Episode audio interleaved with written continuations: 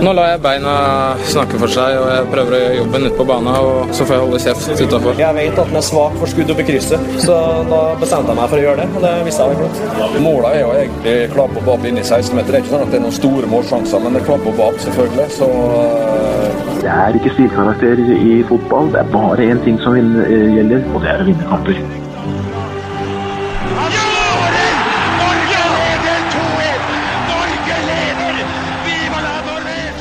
Der er toppfotball tilbake igjen. Episode nummer 99. Altså det nærmer seg tresifra her. Det, det, er vel et eller annet spesielt som må skje i den episoden nummer 100. Jeg aner ikke hva ennå, men det blir veldig spennende å se. Eh, vi er igjen tilbake samla eh, fra ferie. Eh, Bårdsen er ikke her. Han, han melder seg på vel etter hvert, mest sannsynlig episode 100. Uh, Lasse Wangstein, du, du, kom deg gjennom sommeren du også? Jeg kom meg gjennom sommeren og er fortsatt på tresifra. Jeg trodde du skulle den veien. Du er, oh ja, riktig. Ja, sånn. Du er fortsatt på tresifra? Jeg er fortsatt på tresifra, ja. Jeg er fornøyd med det. Riktig. Ja. Litt, uh, gått litt opp i sommer? Nei, ikke så mye. Holdt deg stabilt? Ganske stabilt. Ja, Det er sterkt. Gått litt i fjellet også, vet du. Ja, ikke sant. Ja, for du jo, har jo en hobby som, uh, som gi litt aktivitet. Har det vært bra å fiske i, i, i sommer? Helt jævlig. Ja, Pga. varmen? Altfor varmt. Ja. Og det er mange elver som er stengt pga. lav vannføring og for høy vanntemperatur. Riktig. Så det har vært ræv. Ja. ja. Men er, du er fortsatt uh, en av de som alltid slipper ut fisken? Eh, I stor grad. I hvert fall de litt større fiskene pleier jeg å slippe ut. Hvor, hvorfor de store ikke de små? Fordi de kan bli enda større og enda gøyere å ta neste gang. Og så er det noen eh, vassdrag og elver og vann som trenger at man tynner litt av de små, sånn at det blir eh, flere storfisk. For det er gøyere å fiske, rett og slett. Og så lager de flere barn. Ja, ja. riktig. Du tar ansvar. Tar ansvar. Godt. Ja. Eh, Jørgen Kjernås, du har jo blitt smidd i hymnens lenker. Uh, ja, stemmer. Sterkt. Jo da, det klarte han å si ja. Ja? Var det, var det fantastisk? Hvordan føles det nå? Jo, det, det, jeg fikk jo spørsmål i stad av noen andre om det var hvordan det var. Det, det, livet er jo som vanlig, men uh, bryllup var noe kjekt, det. Så ja. det var en fin uh, kveld, det. En milepæl i din karriere? ja, om ikke karriere, så i hvert fall livet, kanskje. Ja, det, ja. Man skal jo forhåpentligvis bare gifte seg én gang, så da kan vi huke av for det òg. Og det løste seg med kirken? Ja da, vi fikk jo beskjed kvelden før om at det var to bryllup samtidig i uh, samme kirke. Dobbel booking der, altså. Så det kunne blitt episk, men det løste seg med litt flytting og litt smidighet. Ja, riktig. Jeg tror ikke presten gleda seg ekstremt mye til den telefonsamtalen. ja. Fantastisk. Og vi har med oss ingen uh, hvem som helst. Uh, vi uh, trenger jo tidvis, selv om vi tror at vi har peiling på veldig mye, vi trenger litt påfyll. litt fotballkunnskap. Og folk med litt gode historier og erfaringer. Tor Todesen, velkommen. Takk for det. Du har jo en bred bakgrunn, sånn jeg ser det, med altså alt fra Eh, karrieren begynte i, i eh, Vestfold. Uh, gjennom det Veldig mange kjenner deg sikkert som, som han som ledet, ledet Sandefjord i uh, sin første sesong i Eliteserien. Uh, tok ditt opprykk også. Stemmer. Ja. Um, så har du vært i Estland. Og, og hatt et annet eventyr langt av gårde. Vi må snakke litt om mer om det etterpå også. og er nå i Eik Tønsberg. Riktig. Hva, hva, gjør du i Eik? Der er jeg eh, sportslig leder. Um, og uh, i det så ligger det vel uh, litt styrets alibi til å følge opp kjernevirksomheten. hjelpe trenere. trenerutdanning, trenerforum, disse tinga. Og så har jeg også ansvar for G16-laget, da. Hvordan står det til i Tønsberg? Jeg er jo fra Horten sjøl, så det fryder meg jo uh, å se at FK Tønsberg-satsinga ikke går så bra som uh, de selv hadde ønska. Ja, nei, det må du få lov til. Uh, men du har jo vel delvis rett. Nå knappa dem inn på Ørn Horten i helga, så den avdelinga er jo ikke kjørt ennå. hvis Ørn trodde det, så har jo både Halsen og, og FK til sjansen ennå. Men, men, det er jo på det rene at ja, eh, en sammenslåing som, som, ble gjort i Sandefjord eh, tre år før Tønsberg. Eh, der fungerte det. Det ble, har blitt gjort i Sarpsborg, i Haugesund. Eh, det er jo noen steder hvor disse klubbene eh, fra omtrent samme tidsalder eh, nå har etablert seg, og det klarte jo ikke Tønsberg. Det er jo en, en kjensgjerning. Hva er det som har gått galt, da? Går det an å sette fingeren på noen punkter? Ja, eh, det er jo sammensatt, selvfølgelig. Um, når jeg var i Tønsberg, så var jo på en måte det første forsøket allerede brukt opp, eh, nemlig 2004, når de var oppe i, i det som da het Adeccoligaen, og, og datt ned eh, etter ett år. Eh, siden da så har det vært tungt å, å få den pila til å peke oppover igjen. Og penga som da var satt ganske løst på den tida, de, de greide man aldri å mobilisere for ett forsøk til, på en måte. Ehm, jeg kan bare snakke for den tida etter det. Uh, følte at det var vanskelig å få til det som var intensjonen med klubben, nemlig å samle byen. Uh, for det har vist seg at i Vestfold, eller i Tønsberg spesielt, uh, der har vi historisk hang til å samle oss sammen oppå en haug.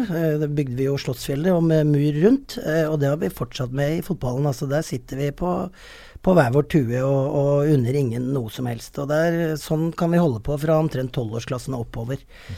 Eh, og det betyr jo at det blir jo ikke noe det, Altså, folk sier at de er sammen om det, og så handler de motsatt. Og det er stort sett Det syns jeg oppsummerer forsøket, for å si det sånn. Så det som skulle være en samarbeidsklubb, var ikke det kun på Eller var det bare på papiret? Ja, den hadde styrene i de andre klubbene med seg. Det varierer jo dette i forskjellig grad fra klubb til klubb, men, eh, men den hadde aldri alle i ryggen samtidig. Aldri. Nei. Men Tønnesberg Tønsberg er jo for oss som da på en måte eh, er født på 70-tallet, så husker vi altså Vi har jo sånne vage minner om i hvert fall Eik da, som et veldig godt fotballag. Og at, som Tønsberg som en fotballby.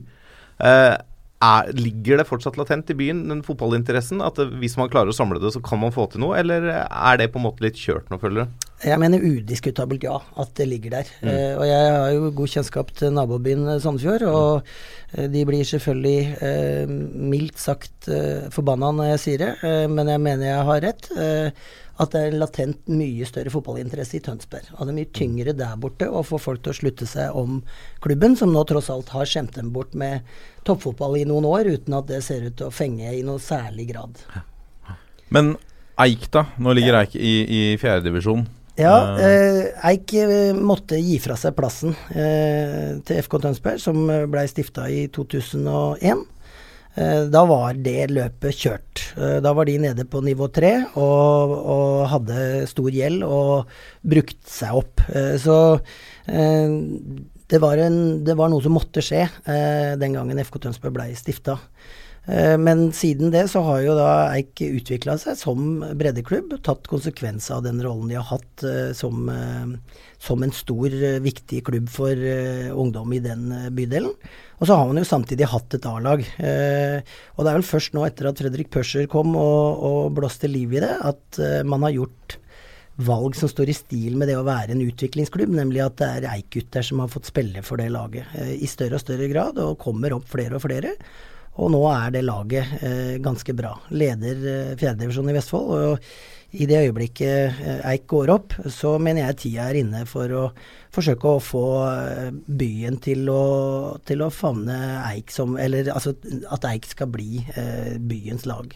For de folka som gikk på gressbanen eh, både på 80-tallet og besøket i, i toppligaen, og de som siden fulgte dem på 90-tallet med Nils Johan Semb som eh, coming man, eh, de husker det enda, og de fins enda. og det er mye følelser knytta til det. Så Eik har jo den historien som ingen andre i Tønsberg har. Og da vil man få, Hvis Eik går opp, så vil man jo få et, et eh, lokalderby også? Mellom Eik og FKT. Det er jo et derby som har ingen historie, men der vil jeg tro at det er noen krefter på hver side. Ja da, og det har jo skjedd uh, senest i Var det i 14, da? det har jo skjedd en gang før, i tredje. Eh, så, så i, i, den grad det blei noe liv og røre av det, det veit jeg ikke. Det var uh, snaue 1000 mennesker på 16. mai i hvert fall i, på det oppgjøret. Men uh, det må jo selvfølgelig få sette seg over tid, og jeg tror ikke det er noe gagner Tønsberg i noe særlig grad at de to klubbene blir rivaler på samme nivå. her må vi bli enige om å satse på én klubb. Og så må ressursene settes inn der. For det mm, er jo en sånn kjip ting ved, for oss som, som tror på utvikling og at uh, god ledelse over tid uh, skaper uh, god klubb og, og, gode fotballspillere, så er det jo kjipt å måtte erkjenne at uten penger så er det jo likevel ikke mulig å komme mer enn omtrent til der de er nå. Så, så det hjelper jo ikke bare at de to klubbene skulle finne på å møtes på nivå fire. Det har ikke noe impact, sånn som jeg ser det. Vi må få mobilisert folk til å bli med, og der er jo den store forskjellen på, på Tønsberg og Sandefjord. At i Sandefjord så er det enkeltpersoner som har, eh, som har vært med og dekka dette over tid. Eh, og de har gått i minus hvert eneste år. og ære være dem for det, for uten de som har funda Sandefjord fotball, så hadde det jo ikke vært noe Sandefjord fotball. Ja, for er, er det eh, litt av hemmeligheten altså Du nevnte Sandefjord, som du har vært i og var med i, i, i den spede begynnelse. Eh, Sarpsborg, FK Haugesund, dette er sammenslåingsklubber som har lykkes. Og så har du Follo, som var en stund i Obos. De spilte i en cupfinale, men nå raser nedover. Er det på en måte suksessfaktoren for å lykkes med en samarbeidsklubb, at du må ha disse velgjørerne i bunn? som ja, og det tror jeg jo til en viss grad gjelder eh, alle andre alle, ja. klubber på, på, et visst nivå, eller på Obos-liganivå oppover, mm. eller kanskje også eh, tredje nivå. Mm. Eh, og da, eh, da må det være noen som har råd til det, og som ser verdien av å tape de pengene, da. Mm, mm. eh, og ikke til forkleinelse for noen, selvfølgelig, eh, men i Tønsberg så de rikeste folka, det er folk som er på vei opp, og som har mer enn nok av å bruke pengene sine, ting å bruke pengene sine på. Mm. Eh, jeg har vært i møter med, med noen av de uh, opp igjennom, uh, og de er villige til å investere en krone hvis det ligger en utsikt til å tjene en krone og 20 øre tilbake. Skjønner. Mens i Sandefjord så, så er de rike, de er fotballinteressert, og så er de passert 60 og har fått litt grått hår, og, og ser eh, verdien av å skjenke dette til byen. Mm. Men er det, et, er det, en ambisjon om, om, om å bli en uh, toppklubb i, i, i, Eik? Eik har vært en eh, breddeklubb og mått innfinne seg med at uh, deres sjanse var, var godt uh, når FKT ble stifta. Men, eh, men, eh, de folka som eh, var med sist Eik var byens lag, husker jo dette. Og det er jo umulig da å ikke drømme seg tilbake. Selvfølgelig gjør man det. Men realitetene er jo akkurat som oss at vi må, vi må selge kakelodd for å drifte A-lag på nivå fem i dag. Så det er lang vei fram til det, da. Men det som er morsomt akkurat nå, er jo at det er, skjer veldig mye positivt. da. Eh, flink trener som, eh, som, satser på de rette folka, og det skaper lokal entusiasme, og, og laget leder fjerdedivisjon akkurat i dag. da. Mm. Vi skal snakke mye mer med deg selvfølgelig, Tor, men nå skal vi ha rundens øyeblikk. Dette er toppfotball. Da skal vi se tilbake på rundene, blir det jo, som har gått. Fordi at uh, her er lov å ta med seg både det ene og det andre uh, i norsk ball. Uh, Lasse, hva har du plukka ut?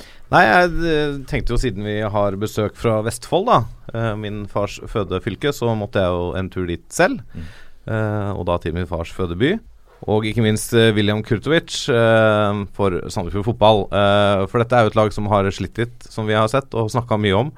Men det han gjør mot Tromsø på fredag, måten han setter inn vinnermålet det er jo også Den skåringen i seg selv er jo rundens øyeblikk for meg. Han får ballen litt skrått i 16-meteren, ganske langt, altså nesten på 16-meterstreken, og bare en fin bue over i lengste over Gudmund Taksdal Kongshavn. Og Sandefjord klarer å holde inn og faktisk vinne og ikke slippe inn mål og ikke rakne på slutten. Og få en kanskje viktig seier. Det ja, var gøy å se på, en, på et lag som vi har uh, sagt at det er ferdig. Ja, det var en fant helt fantastisk scoring. Ja, altså, det, det, er på en måte Det, det oser klasse av det. Fordi at uh, han prøver jo på det også. Det er jo akkurat det han prøver på. Ja, det er helt åpenbart at det er det. Ja, det er ikke, han prøver ikke å legge inn eller Nei, nei. Og så er det gøy også fordi han var jo leid ut til Ullkisa i, i vårsesongen og så vel ut til å være litt uh, langt bak i rekkene i Sandefjord, og kommer tilbake og, og, gjør det her, da. Det er sikkert godt for han også. Hvordan var han i, i Kisa, um, Kjernas? Du ser jo at det er en god ballspiller, da. Det, det er jo noen gener der i familien nå som tydeligvis uh, egner seg til å spille ball. Uh, men uh, det var andre som tok større plass og markerte seg mer på Jessheim i år. Det var det. Tor, vi har selvfølgelig bedt deg også plukke ut et uh, øyeblikk eller en situasjon eller lignende. Ja, og da hadde jeg jo ikke prata med Lasse på forhånd, så, så jeg var jo der, jeg òg. Fordi eh, når du ser at de går opp i ledelsen, eh, og du følger multitasker litt, så venter de jo bare på 1-1 og 1-2, for det har jo lært deg nå i, i løpet av en stund at, eh, at, de siste minuttene er de verste for Sandefjord. Men nå skjedde ikke det. Og det som jeg syns er interessant, da, det er at jeg husker jeg var helt jeg var så overraska over hvor defensivt eh, det framsto, hvis man leser litt på sånne ulike forum og sånt. da, Etter ti runder, ikke sant. Det er spilt en tredjedel av ligaen. Så begynner folk å snakke om at nå er det kjørt, det er ferdig og det er dødt. og Det var vel noen signaler når du så dem spille også som kunne nesten tyde på det. Um, Uh, og så er det altså de to foregående kampene. Der har de altså leda 2-0 i Haugesund og tapt 4-2. Uh, og de har leda 2-0 mot uh, Vålerenga og fått 2-2. Det er de to foregående kampene. Eh, og så vinner de endelig, og så er det fortsatt bare fem poeng opp. Og det er flere lag som er fem poeng foran. Eh, og nå, hvilken runde spilte vi nå? 18. 18 ja, altså åtte runder etter at man begynte å snakke om nedrykk. Eh, så er det her langt fra kjørt i mitt hue. Uh, og det ser ut som han uh, Sifuentes som har kommet inn, uh, har uh, trykka på mer enn én riktig knapp. Både i forhold til hva de presterer, og ikke minst uh, Uh, hvordan snakket nå er om hvordan spillerne trives. Så det her har ikke jeg uh, Jeg avskriver ikke Sandefjord ennå. Nei. Vi, vi, eh, selv har jo sittet i dette studioet og sagt at Sandefjord er ferdig. Ja, vi har det. Og, og, det er klart når de hadde sju kamper eller noe sånt på rad hvor de ikke scora mål, og de, de, det var deres andre seier i år, så det er klart man, det er veldig lett å tenke sånn etter 18 kamper. Men det, det, er klart, sånn som Tor legger det fram her, at det er, det er bare fem poeng opp til tre lag som ligger foran. Eh, passere de. Uh, du kan jo fortsatt fint ta en kvalik da.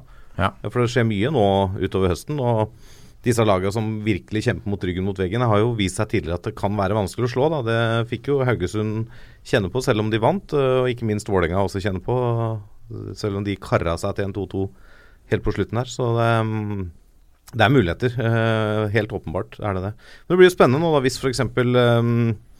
Han øh, spissen dem som jeg akkurat uh, fikk jernteppe på.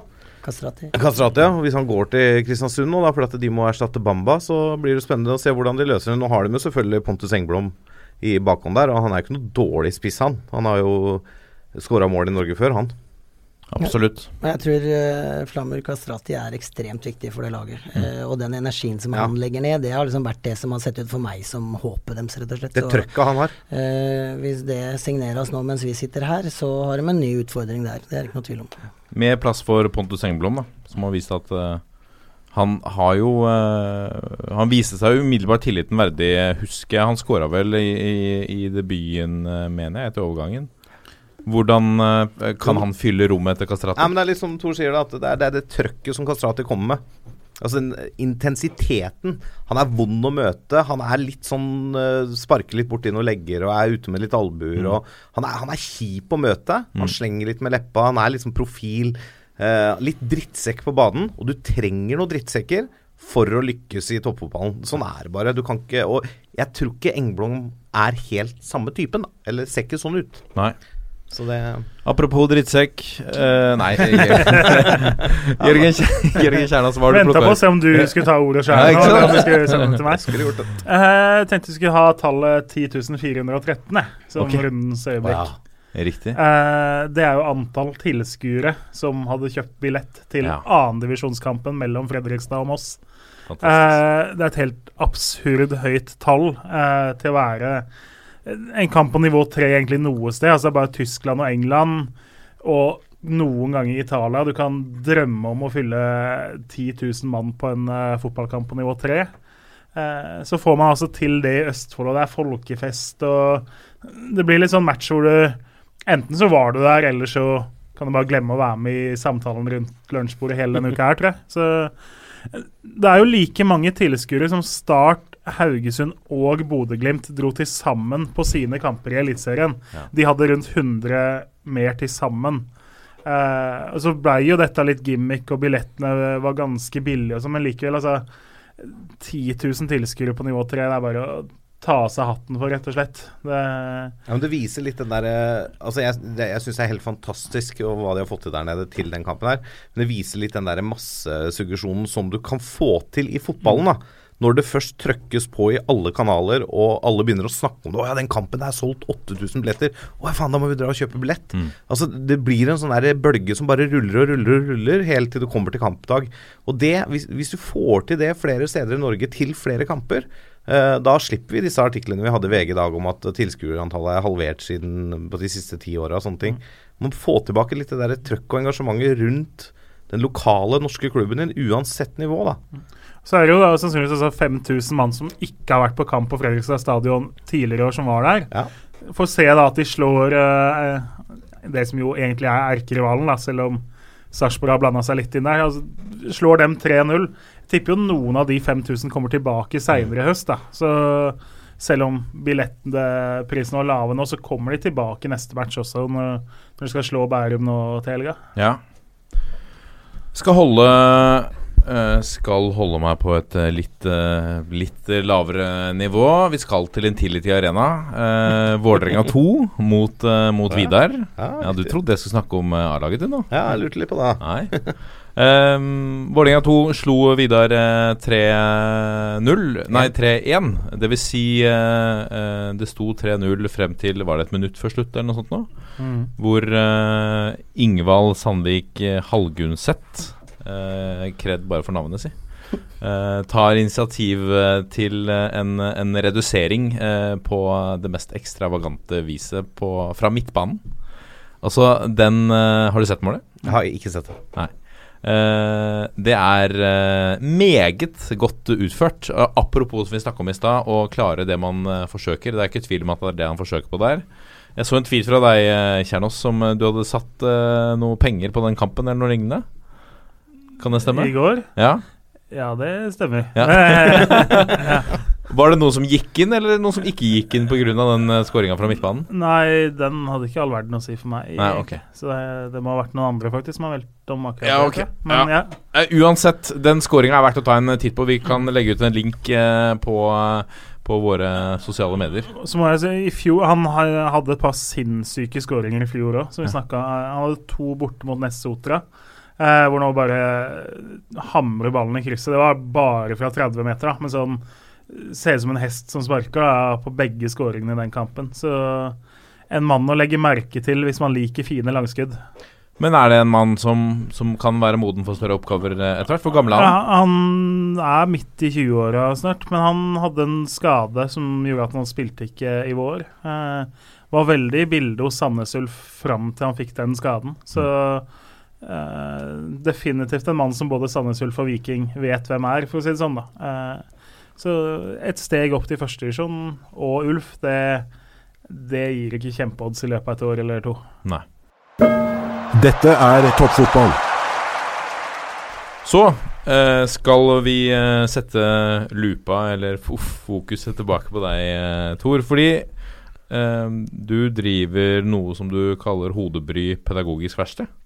Det stemmer. Hva, hva er dette for noe? Ja, det er enkeltmannsforetaket mitt. Um, husker faktisk ikke helt hvor det hodebry kom fra. Eh, det er litt, kanskje litt pussig. Eh, Forhistorien var at eh, beste kameraten min er spesialpedagog og drev vel og leide seg ut litt til noe sånn eh, stiftelse som, eh, som jobba med, med vanskeligstilt eh, ungdom og noe sånt. Eh, og da trengte han jo et firma, og det het Petters pedagogiske verksted. Så det er hans idé, eh, og da var det bare ett pedagogisk verksted i Norge i den bransjen. Eh, så når jeg da skulle etablere mitt eget eh, enkeltmannsforetak, så måtte det ha et navn. Og da var det jo interessant å doble antallet pedagogiske verksteder i, i Norge. Så det var vel forhistorien. Eh, men jeg er ikke helt sikker på hvor det hodebry kom fra. Eh, det ringte meg en kar som skulle begynne en sånn kryssordside på nettet nå, og ba meg 10 000 kroner for det domenet. Men eh, nå har jeg hatt den mailadressen i 25 år eller noe sånt, så jeg kunne jo ikke det. Nei. Så, så det har ikke noe med kryssord å gjøre. Nei. Det, det var, var vel tanken at man skulle kunne skru i hodene litt på folk, antagelig. Ja, ja. Er du som fotballtrener, da, du har jo vært mye det, er det, er det en viktig del av din trenergjerning, dette med det mentale? Ja, det er jeg opptatt av. Eh, og det eh, er jeg jo fra en tidsalder hvor vi egentlig ikke helt skjønte hva det var. Eh, jeg har jo studert på idrettshøyskolen og Jeg har jo liksom vært innom temaet mental trening, eh, og også vært på sånne hurraforestillinger hvor man tenkte at man kanskje skulle lære noe om det, men det, det Når jeg spilte sjøl, sånn, så appellerte det rett ikke til meg. Jeg fikk ikke grep om hva det var. Så jeg måtte ha det inn med teskje. Liksom. Jeg måtte ha eh, folk jeg stolte på som sa at dette er akkurat som å trene innsidepasning. Eh, og så har jeg på en måte, tror jeg knekt den koden og sett og skjønt at det faktisk eh, er sånn. eh, Og at vi er dyr som har en del instinkter som det går an å øve på å omprogrammere. Mm. Og det vil gagne oss. Så, så jeg eh, er mer opptatt av det nå enn en, en før, og, og anerkjenner det som en del av treninga. Men så sa du før vi gikk inn i studiet her at du var en tur i Nigeria nå nylig. Hva Var det med tanke på noen spillere, eller? Ja, her skulle jeg, Nå får jeg besøk til helga av eh, han som inviterte meg dit ned. Han, eh, han kommer på besøk til Norge på fredag. Eh, Han skulle vi hatt en egen episode med. Eh, han heter Abdel Rahman.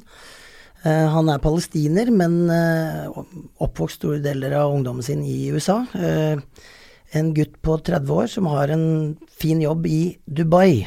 Eh, tjener godt med penger, men han er ikke han er jo ikke latterlig rik, liksom, men han, han tjener godt med penger, og alle penga sine bruker han på fotball. For han har en drøm om at han skal, eh, skal bli noe i fotball. Eh, det blir en liten digresjon det her, men jeg må ta den. Takk det. Han eh, starta klubb i Dubai, hvor han har bodd i åtte år nå. Eh, og gjorde det så bra i amatørserien der at han til slutt sto og banka på å komme inn eh, i proffsystemet. Eh, og han er jo muslim og araber i, i blodet, men likevel ikke en av oss når det kommer til eh, Emiratene. Så da lagde de, når de så at de kom til å få trøbbel med han, så lagde de en ny regel om at de ikke kunne ha utenlandsk eierskap på klubbene. Og da ble han utlending, og, og sånn sett eh, ga han opp prosjektet der i, i Dubai, fordi han ble aktivt motarbeida. Eh, Samtidig så hadde noen spillere fra Nigeria i laget sitt i Dubai, og sånn sett fikk han da knytta kontakt mot Lagos. Og så har han da starta forfra med å reise dit og eh, melde en klubb inn i seriesystemet. Spiller nå på nivå tre. Um, og funder den klubben med alt han klarer å skrape sammen av penger. Da. Så han uh, bruker ingenting på biler og klær som andre i Dubai gjør, men eh, han lever, og han er bare 30 år gammel, lever for den drømmen om å få til noe med fotball. Og i det øyeblikket han får til ett salg, for den klubben er jo etablert med tanke på å få opp en pipeline til Europa, gjerne til Norge som en mellomstasjon, som har vist seg å være fullt mulig, eh, så vil han spørre til de penga tilbake i, i fotballen der nede. Eh, og Så ble jeg kjent med han så vidt når jeg var i Emiratene, og så etter jeg var reist hjem, så tok hun kontakt med meg og lurte på om jeg ville komme ned og, og være med på en sånn scouting-event, og, og gjerne åpne noen dører her i Norge. Ringte vel stort sett det som er av klubber eh, og folk som jeg kjenner, og inviterte de med på gratis eh, tur til Nigeria i januar, som var nå i 2018 endte med at akkurat null eh, blei med, eh, av ulike grunner. Noen har sine egne systemer. De beste, største klubbene som Rosenborg og eh, Brann hadde, eh, Vålerenga hadde Der hadde jo Deila vært i Nigeria på et annet opplegg eh, bare noen uker i forveien. Så noen eh, hadde, eh, og andre, de som gjerne klager over at de ikke har ressurser til scouting og sånn, de greide altså ikke å sende én mann på gratis reise og opphold og ti dager i Nigeria fra 5. januar, var det vel. Hva med din egen gamle klubb Sandefjord, som jeg, som jeg går ut fra at du fortsatt har god kontakt med? Jo da, de fikk tilbudet de òg, men de har ikke ressurser til å ta, sende, fristille en mann i ti dager og sende han ned. I hvert fall så valgte de å ikke gjøre det. Skulle sendt en av oss, da.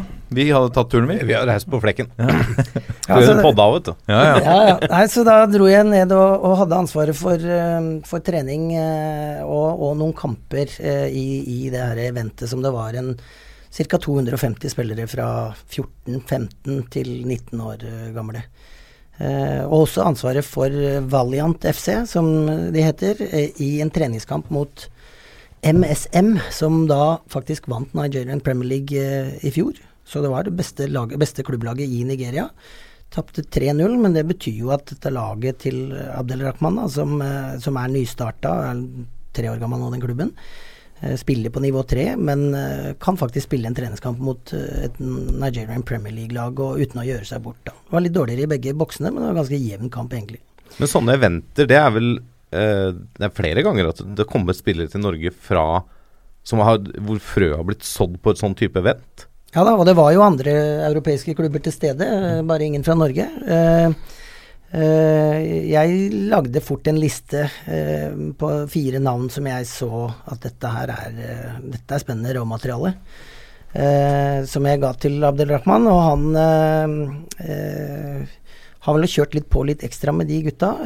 og han er råstolt over at Baba Tunde, eller Tunde som de kaller han, eh, har blitt tatt ut på U17-landslaget i Nigeria etter at vi var der nede. På det tidspunktet så var han helt ubeskrevet, nå har han landskamper for U17.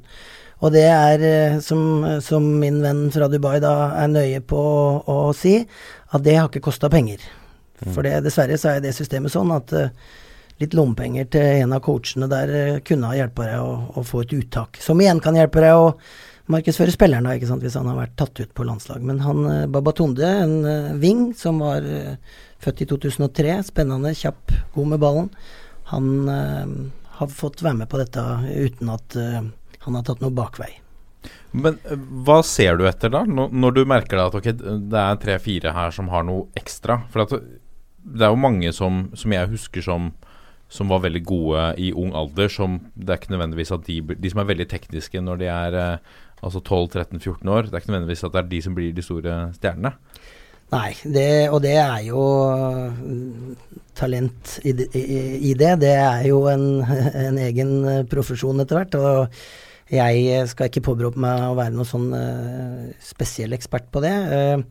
Det som jeg ser her, da, som kanskje gir litt fortrinn, det er jo at uh, nå var jo ikke jeg der og representerte noen klubb, så, så, jeg kunne jo lage en sånn liste helt uavhengig av bare ut fra hva jeg så, hvem jeg syntes så spennende ut. Uh, men hadde jeg vært der på vegne av en klubb, så hadde jeg følt som en, en uh, ekstra forsikring at jeg kjente han som driver klubben, og at han igjen da velger trenere og velger spillere som Eh, som vil dette, eh, og som ikke kommer med, med nye øredobber eh, hvis de får være med. Mm. og det, så, så, det der med å, å, være med dem over litt tid, trene dem, lede dem i kamp, det gjør jo at du får et inntrykk av folks karakter. Og det tenker jeg at det må nesten være det aller viktigste hvis du skal reise så langt som fra Lagos til lille Norge. At du faktisk kan uh, klare deg utenom trening når du først har flytta så langt. Mm. At du kan få livet ditt til å fungere sånn at du også utvikler deg. Uh, og der har vi jo selvfølgelig noen eksempler på i Norge også, på litt for dårlig bakgrunnssjekk, og så får du folk som uh, som må oppdras samtidig som du må jo trene dem i fotball. Ja. Eller veiledes i stor grad da på utsida av banen også. Ja. Hvordan, hvordan, kom du i kontakt med han, han her, da? Hvordan, eh, hvordan, havnet du eh, midt blant dette? Eh, nei, det var som sagt at han kjente til meg fra at jeg hadde vært i, i uh, Abu Dhabi eh, og hadde bra koll på trenere som har vært der, og, og, tok kontakt med meg etter de. Hadde også sett meg på trening i, Emiratene, da. Så, så, det var rent tilfeldig. Det som var interessant, da, var at når jeg først var der, så møtte jeg en Eh, en klubbleder fra en Premier League-klubb på Malta. Eh, som var der i egenskap av å se etter spillere for sin klubb. Eh, og han knytta jeg da kontakt med, og han igjen var jo med og så på treninger og, og kamper som jeg leda, og sa du, du burde jo komme og jobbe for oss. Og da sa jeg det kan jeg kanskje. Dette her var i januar. Um, og så hadde vi dialog utover våren, og så blei vi enige om at uh, de skulle bare stå i ligaen. Uh, og det kom vi til å klare. Greit, det var han helt sikker på. Uh, og det holdt jo bare helt på håret. De endte på den promotion relegation playoff, og på Malta så er det én finale. Det er ikke hjemme og borte. mot et førstedivisjonslag som hadde vunnet sju kamper på rad på slutten av førstedivisjon. Så han var uh, relativt nervøs denne uka fram mot den kampen, men uh, heldigvis for, for, denne klubbens del, altså vant de den kampen. Uh, og da var vi jo kommet så langt som at vi skulle formalisere dette når plassen var sikra. og jeg hadde ordna meg permisjon fra fylkeskommunen hvor jeg, hvor jeg jobber med, på toppidrett fotball. men så skjedde det at han eieren, presidenten, som ikke er spesielt fotballinteressert, men syns det er stas Han jobber i shipping og syns det er stas å ha en fotballklubb han var på denne kampen og så feiringa, for det har jeg også sett noen bilder og noe snutte fra. Det tok helt av. Når de berga, så feira de jo som de hadde vunnet i ligaen. eh, naturlig nok. Eh, han blei så glad at han prompte eh, bestilte reforhandling av eksisterende trener. Og da var det ikke noe mer han, min mann som var CEO, kunne gjøre, da har sjefen bestemt. Så sånn eh, sett i ettertid Jeg var faktisk og besøkte dem i sommer òg, så jeg har vært og sett på fasilitetene der og sånn, men da var det jo avklart at jeg ikke skulle begynne der, da. Mm. Hils på treneren også. Bra, så ut som en bra mann. Så i, i lys av at du er trener, så får du ønske en kollega eh, lykke til med jobben. Han, eh, han fikk beholde, eller han fikk faktisk da reforhandla avtalen på tross av femteplass året før og ellevte i år. Men der var det snakk om en hovedtrenerjobb? Ja, ja.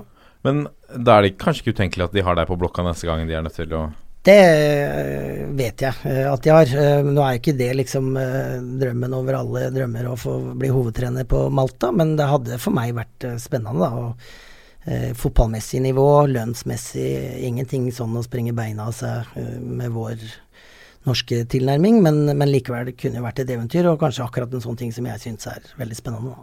Ja, for at du har jo Du har jo vært på noen eventyr i løpet av karrieren din. Altså Du har jo ikke kanskje bare tatt de tradisjonelle valgene verken når det gjelder klubb eller trenerroller opp gjennom åra, og det er jo sikkert mange grunner til det, men eh, er du litt eventyrlysten?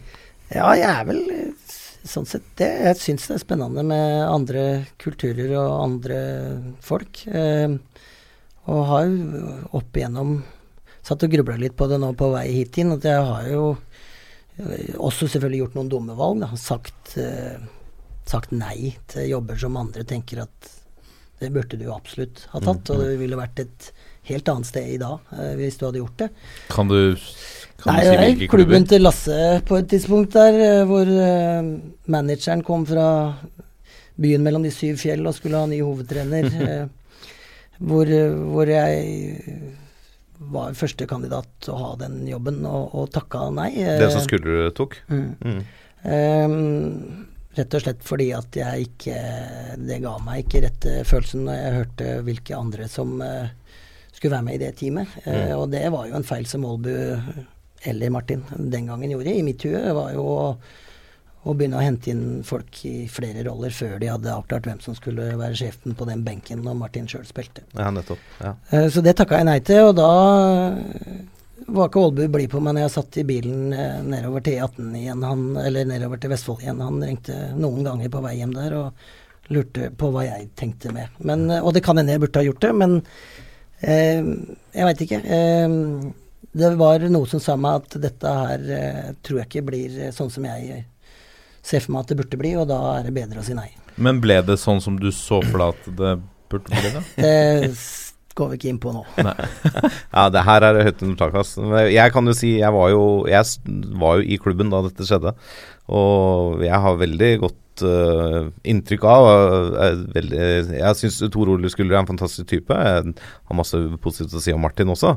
Men det er vel ikke noe tvil om at uh, det var ikke alt med det derre tre, syvhoda trenertrollet som det er blitt kalt i pressen, som kanskje fungerte helt optimalt, da. Selv om det er jo flere i det trenerteamet som eh, Inkludert Tor Ole og Andrea Loberto bl.a., som har eh, selvfølgelig Flinke folk, flinke, det er masse flinke folk, men det er ikke sikkert at det eh, funka helt optimalt sammen, da. Vi prata i to timer og blei enige om at dette går vi for. Mm. Uh, på det tidspunktet så var ingen andre navn eh, lansert, og så spurte de hvem vil du ha med deg. Og da sa jeg at uh, det er én fagmann som går over alle uh, på feltet. En, uh, en, fyr med, en fyr med fingerspissgefyl som jeg ikke har sett maken til. Han heter Kas Sokolowski. Mm. Han var jeg sammen med i Sandefjord. Jobba sammen på, på NTG før den tid. Anser han som en vanvittig dyktig fagmann og en, en veldig interessant fyr å, å jobbe sammen med. Og da um, gikk vi veldig i detalj på han, og brukte en time til. Eh, og så kom de opp da med, med sine kandidater til noen av de andre rollene, og det var da jeg brukte fem minutter på å si at hvis det allerede er bestemt, så tror jeg det møtet her er ferdig. Mm, Eh, og, og det endte med at de tok min anbefaling og henta Kass. Ja. Eh, så Og Kas er en fantastisk fyr, og jeg er helt enig. Han, eh, altså sånn jeg kjenner han, meget bra faglig. Eh, og fin type, ikke minst. Og jeg har ikke hørt ett negativt ord om han fra noen i Fotball-Norge noen gang. Nei. Altså, han får skryt uansett hvor han er, altså. Eh, og det, det fortjener nå, er mitt inntrykk. Så det var en god anbefaling. Uh. Eventyret, mens vi snakker om eventyr, da. Banias SC. De forente arabiske emirater. Eh, Kort tid etter at du var ansatt som hovedtrener i Tønsberg, så, så forsvant du dit. Hva, hva skjedde da? Nei, da var jeg ferdig i Moss. Jeg hadde riktignok ett år igjen på kontrakten, men det, det var eh, mine to tyngste år i, i, som hovedtrener i fotball uh, hittil i karrieren, uten tvil. I Moss? Ja. Jeg, kom til Moss på et tidspunkt hvor de akkurat hadde rykka ned fra Adeccoligaen, og, og trodde vel at uh, dette skulle være grei skuring å, å rykke opp igjen. Og ja, nei, vi får det, det får bli en egen historie, men det var første gang jeg virkelig møtte motgang som leder. Uh, og, og, kanskje jeg hadde urealistisk eh, forventning til hva det ville si å skulle komme der og, og, og, forsøke å snu den skuta. Men uh, der eh, nådde jeg rett og slett ikke inn. Vi fikk to Til styret eller spillergruppa? Til eller? byen. Ja. Eh, Syns det var utrolig tungrodd. Og fryktelig vanskelig å snu en eh, en veldig defensiv, negativ tankegang rundt alt som var av oppgaver, hvor vanskelige ting uh, alltid var. Eh, og min uh, tilnærming har i grunnen alltid vært motsatte. At hvis noen sier det er vanskelig, så er det bare, bare mer gøy å få det til. men den fikk jeg Selvfølgelig masse fine folk og sånn der òg, men jeg fikk rett og slett ingen med på laget til å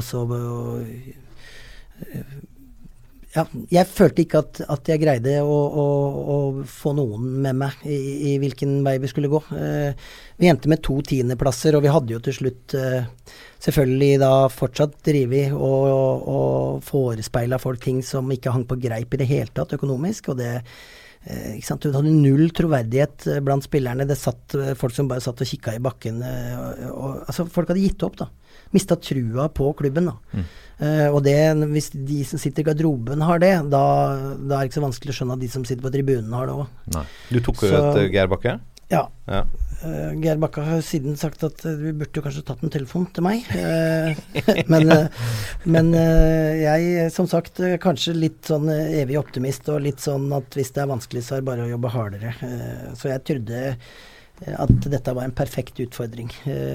og da når jeg jeg fikk to tiendeplasser. Eh, så syns jeg ikke at jeg hadde vært særlig flink heller, og da var det veldig fristende å, å, å begynne å rett og slett fri Moss fra den belastninga det var å ha meg der på heltid. Eh, for de penga hadde de jo ikke. Eh, så en ting var at du måtte vente to og tre måneder av gangen før du fikk, men, men du skulle jo ha, likevel ha et år til, og det føltes ikke riktig i det hele tatt. Og heldigvis for Moss så dukka, eh, dukka det opp en styreformann som uh, har eh, hjerte og hjerne for dette, som, uh, som uh, berga det. Eh, og vi blei godt forlikt om at her passer det å ta stopp. Mm.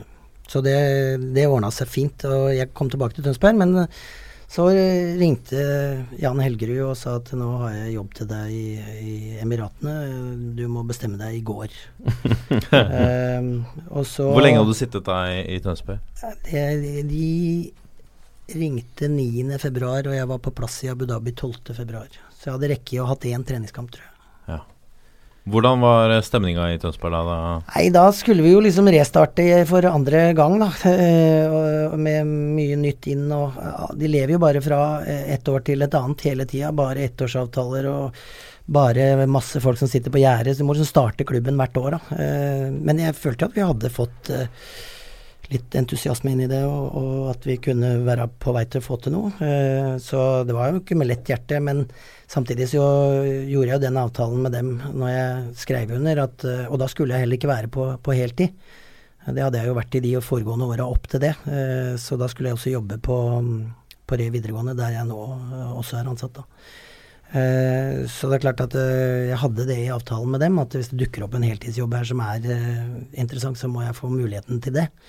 Uh, og det var jo selvfølgelig ikke noe problem når du skrev under, og så var det ikke like populært når du De var kanskje ikke forberedt på at det skulle skje et par uker etterpå? Trakk fram den klausulen etterpå. Men uh, det blei nå sånn. Jeg, jeg kasta ting i en bag og reiste til Abu Dhabi og landa på flyplassen uten å vite hva myntenigheten i Emiratene var. Uh, men det lærte jeg jo, så det gikk fint. Men der har du Ser jeg på som en kontrast da, til, til avgjørelsen om å takke nei til Vålinga hvor du åpenbart har gjort, en, gjort, deg mye tanker rundt hva du skal gå inn med. Såpass at når du ikke får bestemme alle du kan jobbe med, så velger du å takke nei til altså Det er ikke mange kanskje som Det er sikkert mange som har takka nei til Vålinga, men jeg tipper det er mange som ville takka ja. Mens du litt mer ukritisk drar Er det liksom eventyrlysten da som bare ja, jeg, overstyrer ja, deg? Jeg tror du, du, er inne på noe der. Eh, så det kunne jo selvfølgelig gått helt gærent og vært hjemme igjen etter noen uker og alt sånt, men det, det er jo sånn du bare må ta med i betraktninga, og så får du jo ikke gjort noe med det. Og da har jeg, tror jeg har vært ganske god på å ikke bruke krefter på de tinga som jeg ikke får gjort noe med. Så for meg så passa det veldig bra da. Det var spennende. Hvordan ble du tatt imot der nede? Ja, det, det er jo en, en historie i seg sjøl, det. Jeg, det satt sånn tolv vise menn, lokale karer i sportskomiteen. Deres befatning med fotball er at de ser mye Premier League på TV. Eh, og så prater de mye store ord, og har jo for så vidt eh, økonomiske backinga til å snakke med hvem det skulle være. Eh, eh og denne vise komiteen med tolv vise menn, de hadde funnet ut at det laget vårt, de løper jo ikke nok. De, de er jo ikke sterke nok og utholdende nok. Eh, de hadde glemt å ta det opp med Josef Sjovanec, som var hovedtrener på det tidspunktet. Da, sjekker, som hadde med seg et helt team med sjekkere, seks stykker. Um, så de gikk på jakta etter en, eh, en fysisk trener bakom ryggen på hovedtreneren. Mm. Um, og ringte da Ja, da ringer man Real Madrid. Når du er i, i Emiratene, så begynner du på toppen. Uh, og så sa de at vi har ingen å avsette dere, men vi anbefaler en norsk professor i fysiologi. For Jan Helgerud har vært mye rundt og har et navn kanskje større i, Europa enn, her hjemme. Um, så vi anbefaler eh, Jan Helgerud fra Norge. Han har portable lab, han kan teste dere osv. Og, så og Jan hadde vært der og, og, og sjekka ut og gitt dem dataene på hvordan de lå an, og det var jo helt middels, for å si det pent.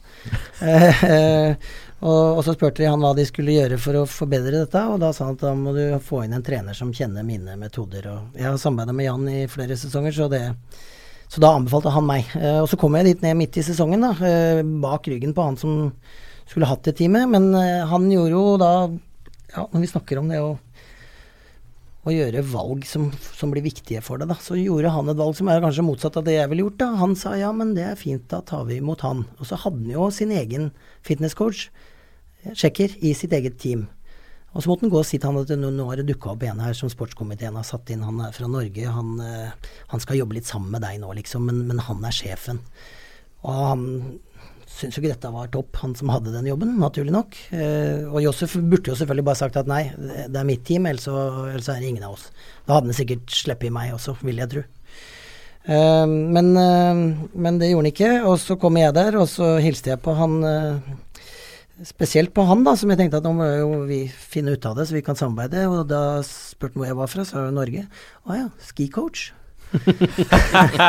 så det er vårt uh, renommé ute, da. Uh, Tsjekkia er uh, ja, det, det, er balland, altså. Mm. De gutta der Det var jo en annen greie i det. Vi bodde så jævla mye på hotell, vet du. Til og med natta før hjemmekamp så måtte vi på hotell, da. Så det var flere ganger i uka. Vi, vi, og da sitter du der og kjeder deg mellom måltidene, og gutta skal bare sove og alt det greiene der. Så spiller de tennis, du. Hele den derre så får jeg faen meg Ivan Lendl alle sammen, ikke sant. og så kommer jeg, da. Jeg er jo ballgutt, jeg òg, men jeg, jeg, har spilt badminton og squash, liksom. Men jeg, faen, tennis er vanskelig, vet du. Du må jo ha teknikk. Mm.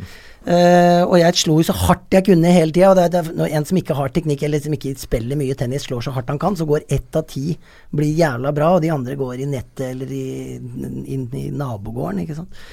Så det var jo også veldig ålreit med meg at jeg sprang. ikke sant? Jeg var med og spilte tennis, men kunne jo ikke spille tennis. Det syntes jeg var veldig gøy, da, for den slo meg alle sammen. ikke sant? Så jeg var han skicoachen som var dårlig i tennis. Uh, og så, og så blei jo etter hvert kalt opp til han sjefen på toppen. Han satt bokstavelig talt på toppen på stadion med vinduer ut på matta og spurte åssen jeg hadde det. Satt det fire karer på, på, i en sofa som på rekke og rad bare liksom nikka hver gang han sa noe. Og spurte om du skulle ha te og liksom innleda med hvor han, har, hvor han er, er sjåføren, kommer han til tida, er hotellet bra og sånn. Jeg sa alt er topp, og blitt tatt godt imot og blitt kjent med alle, og alt er topp, liksom. Eh, så sa, men så sa jeg jo det at det er ikke sikkert jeg får gjort så mye her nå midt i sesongen ut ifra den bestillinga dere har til meg.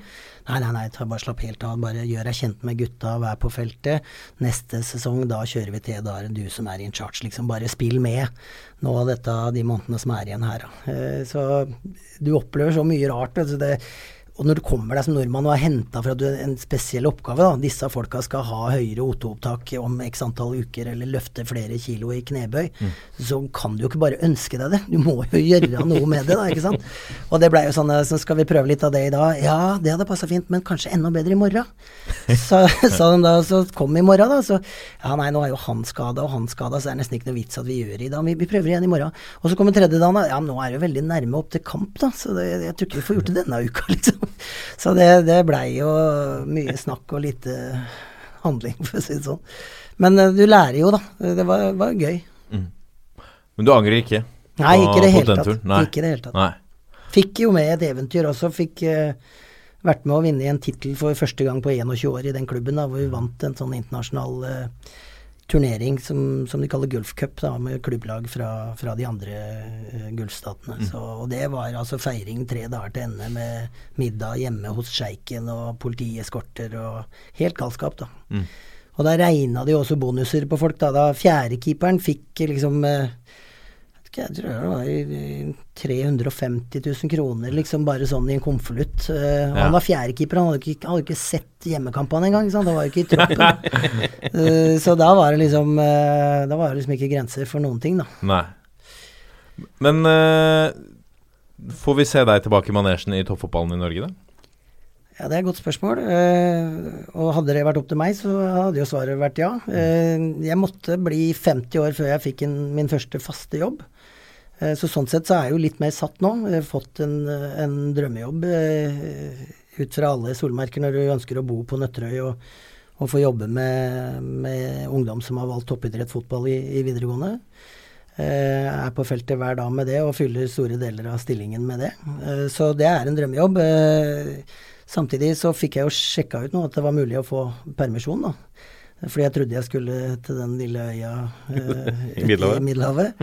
Eh, så det betyr jo at hvis det dukker opp noe som, eh, som eh, fenger meg, så kunne jeg tenkt meg det. Eh, men så ser jeg jo også at eh, de valgene jeg har gjort til nå, har jo satt meg litt på sidelinja i det bildet der, da.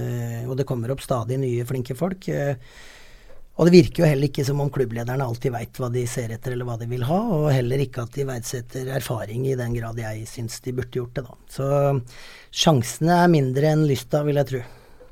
Men har du en, eh, en, en type manager eller en, som jobber for å selge deg inn til klubber? Jeg har forsøkt det lite grann. Eh, spesielt i, i utlandet. Eh, og der har det også vært en del henvendelser og sånn innledende samtaler og sånt. Eh, her i Norge så er det stort sett sånn at du kjenner alle eh, de agentene som du sjøl har hatt med å gjøre når du har vært trener, og så veit jo de godt hvor de har det. Eh, enten det er Stig Lillejord eller Kent Carlsen eller hvem det skulle være. Men det er jo ikke en, en, business som trigger dem så veldig heller å skulle plassere trenere. Antagelig så er det sånn at Går det bra, så hører de ingenting, og går det gærent, så må vi faen ikke høre på han lenger. For her eh, ligger jo ikke noe økonomi for agentene heller, så jeg skjønner jo godt at deres første pri er ikke å drive og anbefale trenere. Så um, det, det, er vel ikke um, det, det, er vel det å si om det at det ikke er gjort noe formelt eller har noe avtale med noen, i hvert fall. Ja. Hvem er den beste spilleren du har trent, da? Det er eh, Mohammed Abutrika, eh, definitivt. Eh, og han er sikkert ikke så godt kjent i Norge, men eh, han kom til Banias eh, fra Egypt. Er kjent i eh, Afrika som den beste spilleren fra det kontinentet som aldri dro til Europa. Oh, ja. Han gudfryktig person, religiøs veldig, og, og en veldig karakterfast eh, type som, eh, som eh, fansen både til Samalek og Alali i Egypt kan enes om at han er, Han er et ikon, og det er vel antagelig omtrent den eneste tingen de kan enes om. Han eh, ble tilbudt til Banias i en alder av 4-35, helt på slutten av karrieren. Rett etter at ligaen i Egypt ble innstilt på bakgrunn av den Port Said-tragedien hvor det omkom en hel masse mennesker. Um, og da gikk han til klubben sin og sa at um, jeg koster jo mye penger, og nå tjener ikke dere penger, så dere kan uh, leie meg ut. Uh, og kom da til Banias og uh, altså en gudbegava spiller nå. Årets spiller i Afrika i 2007, tror jeg. Ja. Jeg spurte han om det en gang, for at, men han er så beskjeden at han vil ikke snakke om sånt. Men jeg spurte han om det stemmer at han var tilbudt å ta over trøya til Zidane i Real Madrid. Han, han ligner på han, samme type midtbanespiller. Um, og da bare liksom glisa han, da. Han ville ikke snakke om det. Um, men um, gudbegava spiller. Men det gikk Utrolig hjulbeint. de skulle hente han for å erstatte Zidane? Ja, den gangen at han takka nei, fordi at han, uh, han likte ikke liksom pengejaget, og han, han uh, har andre verdier, for å Ja. si det sånn. da. Eh, jeg jeg prata med Bob Bradley om han, og han sa bare 'outstanding'. Har aldri Ja. vært borti en sånn personlighet. For han var eh, s- s- hang med i landslaget enda når Bradley var der. Eh, ekstremt hjulbeint eh, og tobeint. Han kunne i midtsirkelen og han slo nesten bare med utsida av foten, da, fordi at uh, han hjulbeint og interbeins. Ja.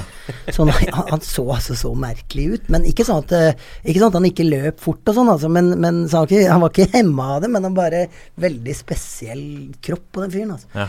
Og han slo altså sånne 60 meters crossere som liksom bare skrudde og så bare datt ned ferdig dempa på, på vingen på motsatt, liksom. I begge retninger med begge bein. Liksom. Han, han var helt ekstrem.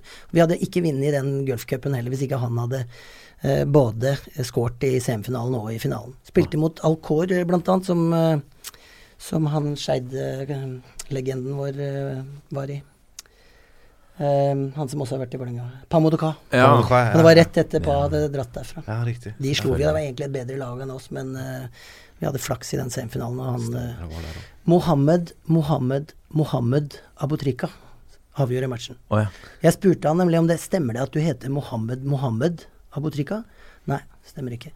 Heter Mohammed Mohammed Mohammed Abutrika. Oh, ja. Alle gode ting er tre. Absolutt. Ja. Fantastisk. Er, eh, du sitter inne med så mye historier, eh, Tor. Er, vi kunne sitte her i mange timer. Vi må eh, jo komme oss litt videre også. Men, men vi har jo bedt deg om å forberede din fire norske fotballstjerners middag. Hvem du ville invitert. Eh, og hva du ville laget. Er du en stor uh, mann på kjøkkenet? uh, nei, nå, nå, det har jeg, ikke, jeg har ikke mage til å ljuge om det. Det er tross alt noen jeg kjenner som skal høre på dette. Så jeg må bare svare nei. Men, men av alle de der strekpunktene på det, dette dere sendte meg, da, Mm. så var jo det den mest corny oppgaven. Det er jo ikke noe tvil om. Eh, og så må det passe seg så den ikke blir slem og sånn, da. Men, Ja, ja. så, så, men jeg har valgt ut uh, min gjeng. Uh, og den første er en dere muligens ikke har hørt om, men eh, en helt genial fyr som heter Tor Vidar Hem. Uh, og for de som ikke er helt på innsida, så er det legendarisk eh, materialforvalter i Sandefjord Fotball fra klubben ble stifta og opp til under Lars, altså i fjor eller året før. Um, meget spesiell fyr. Har aldri glemt én sokk noe sted. Helt, helt, helt prikkfri matris. Total oversikt. Måtte få lov å røyke overalt, altså måtte ha unntak fra røykeloven. Eh, måtte ikke begynne å kødde med han om hvor han kunne røyke og ikke røyke. Det, da ble det ikke trivelig. Men så lenge han fikk lov til det, og gutta aksepterte at det lukta røyk av nyvaska drakter Han satt og røyka der hvor draktene henger på sånn skinne i vaskeriet. men, men, men han stelte banen og stelte utstyret, vaska, hadde stålkontroll med alt på alle leire, alt. Eh, veldig bra mann og en morsom fyr. Så han, han er definitivt eh, invitert. Eh, også guttas mann, en, en type som spillere har elska. Eh, historie fra Sandefjord med Nordli. Tom, bare for å ha sagt det, jeg kom etter han der. Det er en fin mann å komme etter, fordi det er mange ting som er på stell. Mm. Riktignok hadde Arne Dokken vært der ett år imellom, men det rakk han ikke å, å påvirke i, i, i negativ retning, i hvert fall. For der, Der eh, var det liksom eh, ordning. Og var, da var jo det en sylfersk klubb hvor eh, toppidrettskultur, i den grad man hadde det, måtte, måtte hamres inn. Eh, Hva mener du at ting var på stell, da? ja, altså med eh, hvor mye vi skal trene, eh, hvilke baner som skal prioriteres på oss, hvilke klokkeslett. Altså forståelse at det skal vi komme noe sted, så kan vi ikke kødde med sånne ting. Da må det være greit, liksom. Eh, og der hadde ikke Tom det like lett som meg, fordi når han hadde gjort en del av det nybrottsarbeidet, så var det lettere for folk som kom etter. Så all ære til han for det. Eh, og en av de tingene han gjorde, var jo eh, at det var strengt forbudt med mobiltelefonen i garderoben. ikke sant? Og på den, det var jo akkurat på den tida hvor alle plutselig hadde mobiltelefon, så folk drev og ringte hverandre bare på gøy, antagelig. Det er faen ingen som ringer til hverandre lenger nå. Eh, men, men han blei jo klikka for han, vet du. Det ringte i garderoben. Men faen, hvem er dette? ikke sant? Da hang masse jakker øh, på vinteren. Og spillerne ser på hverandre. ikke sant? Det er ikke meg, liksom. Eller det er ingen. Og ringer. Og så stoppa jeg det til slutt, da. Og så skal han liksom til bunns i dette, blir forbanna, ikke sant. Og lurer på om han sitter her og beskytter hverandre, eller noe sånt. da.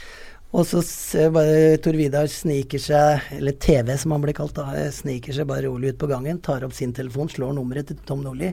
Så ringer det i garderoben igjen, ikke sant. Og da begynner jo gutta å ane ugler i mosen, at eh, kanskje det faktisk er sjefen sin telefon. Og, og, men eh, til den dag i dag så valgte Tom å nekte. Ja. Ja. Han så ikke noe annen utvei enn å si at den er faen ikke min, liksom. og det, og det, hvis han blir konfrontert i dag, så sier han fortsatt at det ikke var hans del. Men det er Tor Vidar, han er helt konge, han må med. Um, og så, og så hadde jeg vurdert eh, Fagermo. For da tenkte jeg han kunne jo fortelle oss litt om opplevelser han har hatt i aksen mellom Ulefoss, Drammen og Skien. Eh, men så fant jeg ut at vi heller ville ha Ståle Solbakken, som, som kan fortelle oss om aksen fra Danmark til England til Tyskland. Eh, så så jeg, jeg valgte det perspektivet uh, før. Jeg registrert også at Ståle har vært ute nå og uttalt seg om, om eh, altså i gåsetegn den norske modellen, hvor han mener å gi en del selvtillit tilbake til norske klugge, klubber om at måten vi driver barne- og ungdomsfotball slett ikke er å forakte. Han sier at han har sett mange andre systemer, og, og, og begynner å helle mot at eh, stor grad av frivillighet og litt lavere terskel på hvem som får være med, kanskje gagner oss. Så det er interessant innspill fra Ståle. Skulle gjerne diskutert mer med han. Og så er jo jeg øh, liksom en øh, Tilhører jo liksom generasjonen som gikk på idrettshøyskolen og, og studerte både Drillo og Nils Arne når de øh, var på sitt beste. Eh, så der har jeg valgt eh, Nils Arne Eggen, da. Eh, for historiene. Jeg er ikke helt sikker på hvor god han er til å lage mat, men Ja, du skal lage til disse. ja, ja, ja, men jeg skal jo spise maten hans òg, da. Ja, altså, ja, for det skal jo på rundgang. ja. Selvfølgelig. Ja, sånn det jeg har ikke- jeg har ikke skjønt Jo, nei, konseptet. det. Men akkurat det konseptet her er bare deg. okay. Ja, nei, så, så måtte jo blitt han, da. Jeg har vært på noen cupfinaleseminarer. Jeg tror jeg har vært på alle fra de starta, og det, det er i hvert fall ikke mange jeg har missa. Og, og han er fin når han eh, har første økta om morgenen og er litt hes, for han sier at vi Du skjønner at vi glemte å legge oss eh, i går. Eh, så det, det tror jeg kunne blitt eh, gøy. Men uh, han har vel røyka litt opp gjennom tida, så det blir på Han òg mener at jeg er hes fordi at jeg Nei, nei. røyka? Nei, jeg tenkte på Nei, det er Tor Vidar. Ja. Riktig, riktig. riktig. Så det blir vel ute på balkongen her, da. Antagelig. Middag blir- Antagelig. med, med dunjakke og votter. Ja, ja, ja. Det blir fint. Men hva, men hva skulle du laget, da? Hvis du må lage no, Ja. noe? Ja, nei, da blir eh, den spesialiteten min fra nå i sommer, det blir grillspyd med, med scampi. Det Det, heter det har det gått med noen av i sommer, og det begynner jeg å få til nå. Ja. Så, så det blir det. Det høres godt ut, da. Ja, ja. Nå kommer pulsen. Da har vi kommet til pulsen, og vi begynner eh, pulsen med eh, Breddenytt, eh, servert til dere alle av Breddefotballeksikon Jørgen Kjernås. Vær så god. Ja, nå ga jo du meg beskjed om at vi kunne godt ha med litt fra egentlig hele sommeren, for det er jo en stund siden jeg, jeg har sittet her, i hvert fall. Eh, og det er klart, da er jo naturlig å snakke om det som skjedde dagen før, nei, før VM-finalen. Eh, Fram Larvik dro til Nybergsund, skulle spille kamp. Eh, klarte å stille med åtte mann til kamp. Eh, fikk to skader på stillinga 0-3 etter et kvarter. Og kampen ble da avbrutt pga. at det var ikke nok spillere på det ene laget. Eh, det er jo en helt absurd situasjon, som jo har blitt godt dekka også i riksmedia. Men det, eh, at det er mulig det, skal, altså det skal ikke være mulig på det nivået å ikke klare å stille elleve mann til kamp. Eh, komme på banen med åtte mann det er liksom, Du tror jo ikke det du ser. Eh, Jeg du, kunne forstått om det var sjuende divisjon, liksom. ja, jeg, jeg har eh, sett altså, Nedover femte, sjette, sjuende, åttende, så skjønner man det. Men annendivisjon, hvor det tross alt er millionbudsjetter å satses, det, det er jo en skandale uten like, nesten. Ja, det, eh, det begynner å bli en stund siden, ja. Men jeg har jo glemt hvor eh, eh, Altså, det opplegget der, så jo Endte jo sagaen med at Petter Belsvik fant seg nye arbeidsoppgaver etter hvert. Han dro jo 30 meter bort i hallen istedenfor å være på fotballbanen. Så det Nei, det er helt utrolig. Men så er det jo litt sånn, det ligger jo litt bak altså Fram Larvik er en klubb som har satsa, hatt, har en sponsor som betaler en del penger for at de skal ha en toppsatsing, og så har de ikke noe under. De har et uh, annet lag som de av en eller annen grunn har meldt på i fjerdedivisjon. Uh, fått lov til å starte opp der. Uh, som da kun er på en måte spillere som ikke holder noe A-lagsnivå. Og så har de ikke noe aldersbestemte spillere eller noe liksom, satsing gjennom der. Det de spiller i andre klubber i distriktet, de anstendig gode ungdommene. Eh, det er en snål situasjon, og det var mye rart der. og Enklas var jo litt ute og meldte og fikk litt meldinger tilbake om det også. Det, Jo, men- eh, ja. Men når jeg har en fagmann i studio, da. Det Ja. blei jo sagt fra Fram Larvik-hold at det ville ikke være bra for de yngste spillerne som spilte på det andre laget, å reise da det, og spille den kampen og få en dårlig opplevelse. Så derfor valgte de heller å reise med åtte enn å ta med seg kanskje noen juniorspillere eh, sånn for å fylle en tropp, eller i hvert fall fylle et lag og et par innbyttere. Hva tenker du om det, Tor? At, eh, altså, tror du det hadde vært så ille for disse unge spillerne å få den A-lagskampen? Bare sånn at de i hvert fall fullfører en kamp i andre divisjon? Jeg satt jo egentlig her og håpa nå at Rikke skulle spørre meg. Eh, fordi at eh, det er eh, det største vrøvlet jeg har hørt noen gang. Ja? Og at du da eh, utrolig nok fikk to spillere liggende ned Ja, i sånn den samme kollisjon, Ja. og begge måtte av. Og det faktisk sto akkurat de 3-0 som du taper med når du bryter kampen. Ja. Dette er jo helt utrolige sammentreff at det skulle bli så gærent, liksom. Så jeg, jeg bare egentlig jeg bare jazzer meg opp nå hvis jeg skal snakke mer om dette. Så vi får la bygons være bygons. Ja, da skjønner vi hva du mener, i hvert fall. Ja, ja det er og det er det samme. Jeg tror jeg var ganske klar i sosiale medier. Du var ganske klar. medier på. Men jeg veit jo at de på torsdag hadde flere spillere som holder et OK nivå, som sa ja, vi kan signere en amatørkontrakt, være med dere til Trysil og spille. Fordi det er spillere som har spilt tredjedivisjon og ikke høyere, og som tenkte at det er en fin sjanse for å vise meg fram. da. Mm. Gjør jeg en grei jobb, kanskje jeg får kontrakt ut året. Eh, Fram skulle bare sende inn disse kontraktene til NFF, sånn at de var kampklare. Det gjorde ikke Fram Larvik. For å Det få de handler jo om eh, klubbens renommé her også. eh, og du har et juniorlag, så er det jo ikke Jeg skjønner ikke at det engang skal diskuteres. Nei, det hadde, hadde de ringt meg, så skulle jeg slengt meg på bussen halvveis. Jeg har stått på midtbanen og slått feilpasninger. Ja, Men ja, de, eh, de mista i hvert fall uh, veldig mye respekt hos veldig mange ut fra måten den kampen ble løst på. snakk om å ikke skjønne hvordan dette påvirker omdømmet ditt som klubb òg, da. Mm. Og det er den klubben, ja. Nei.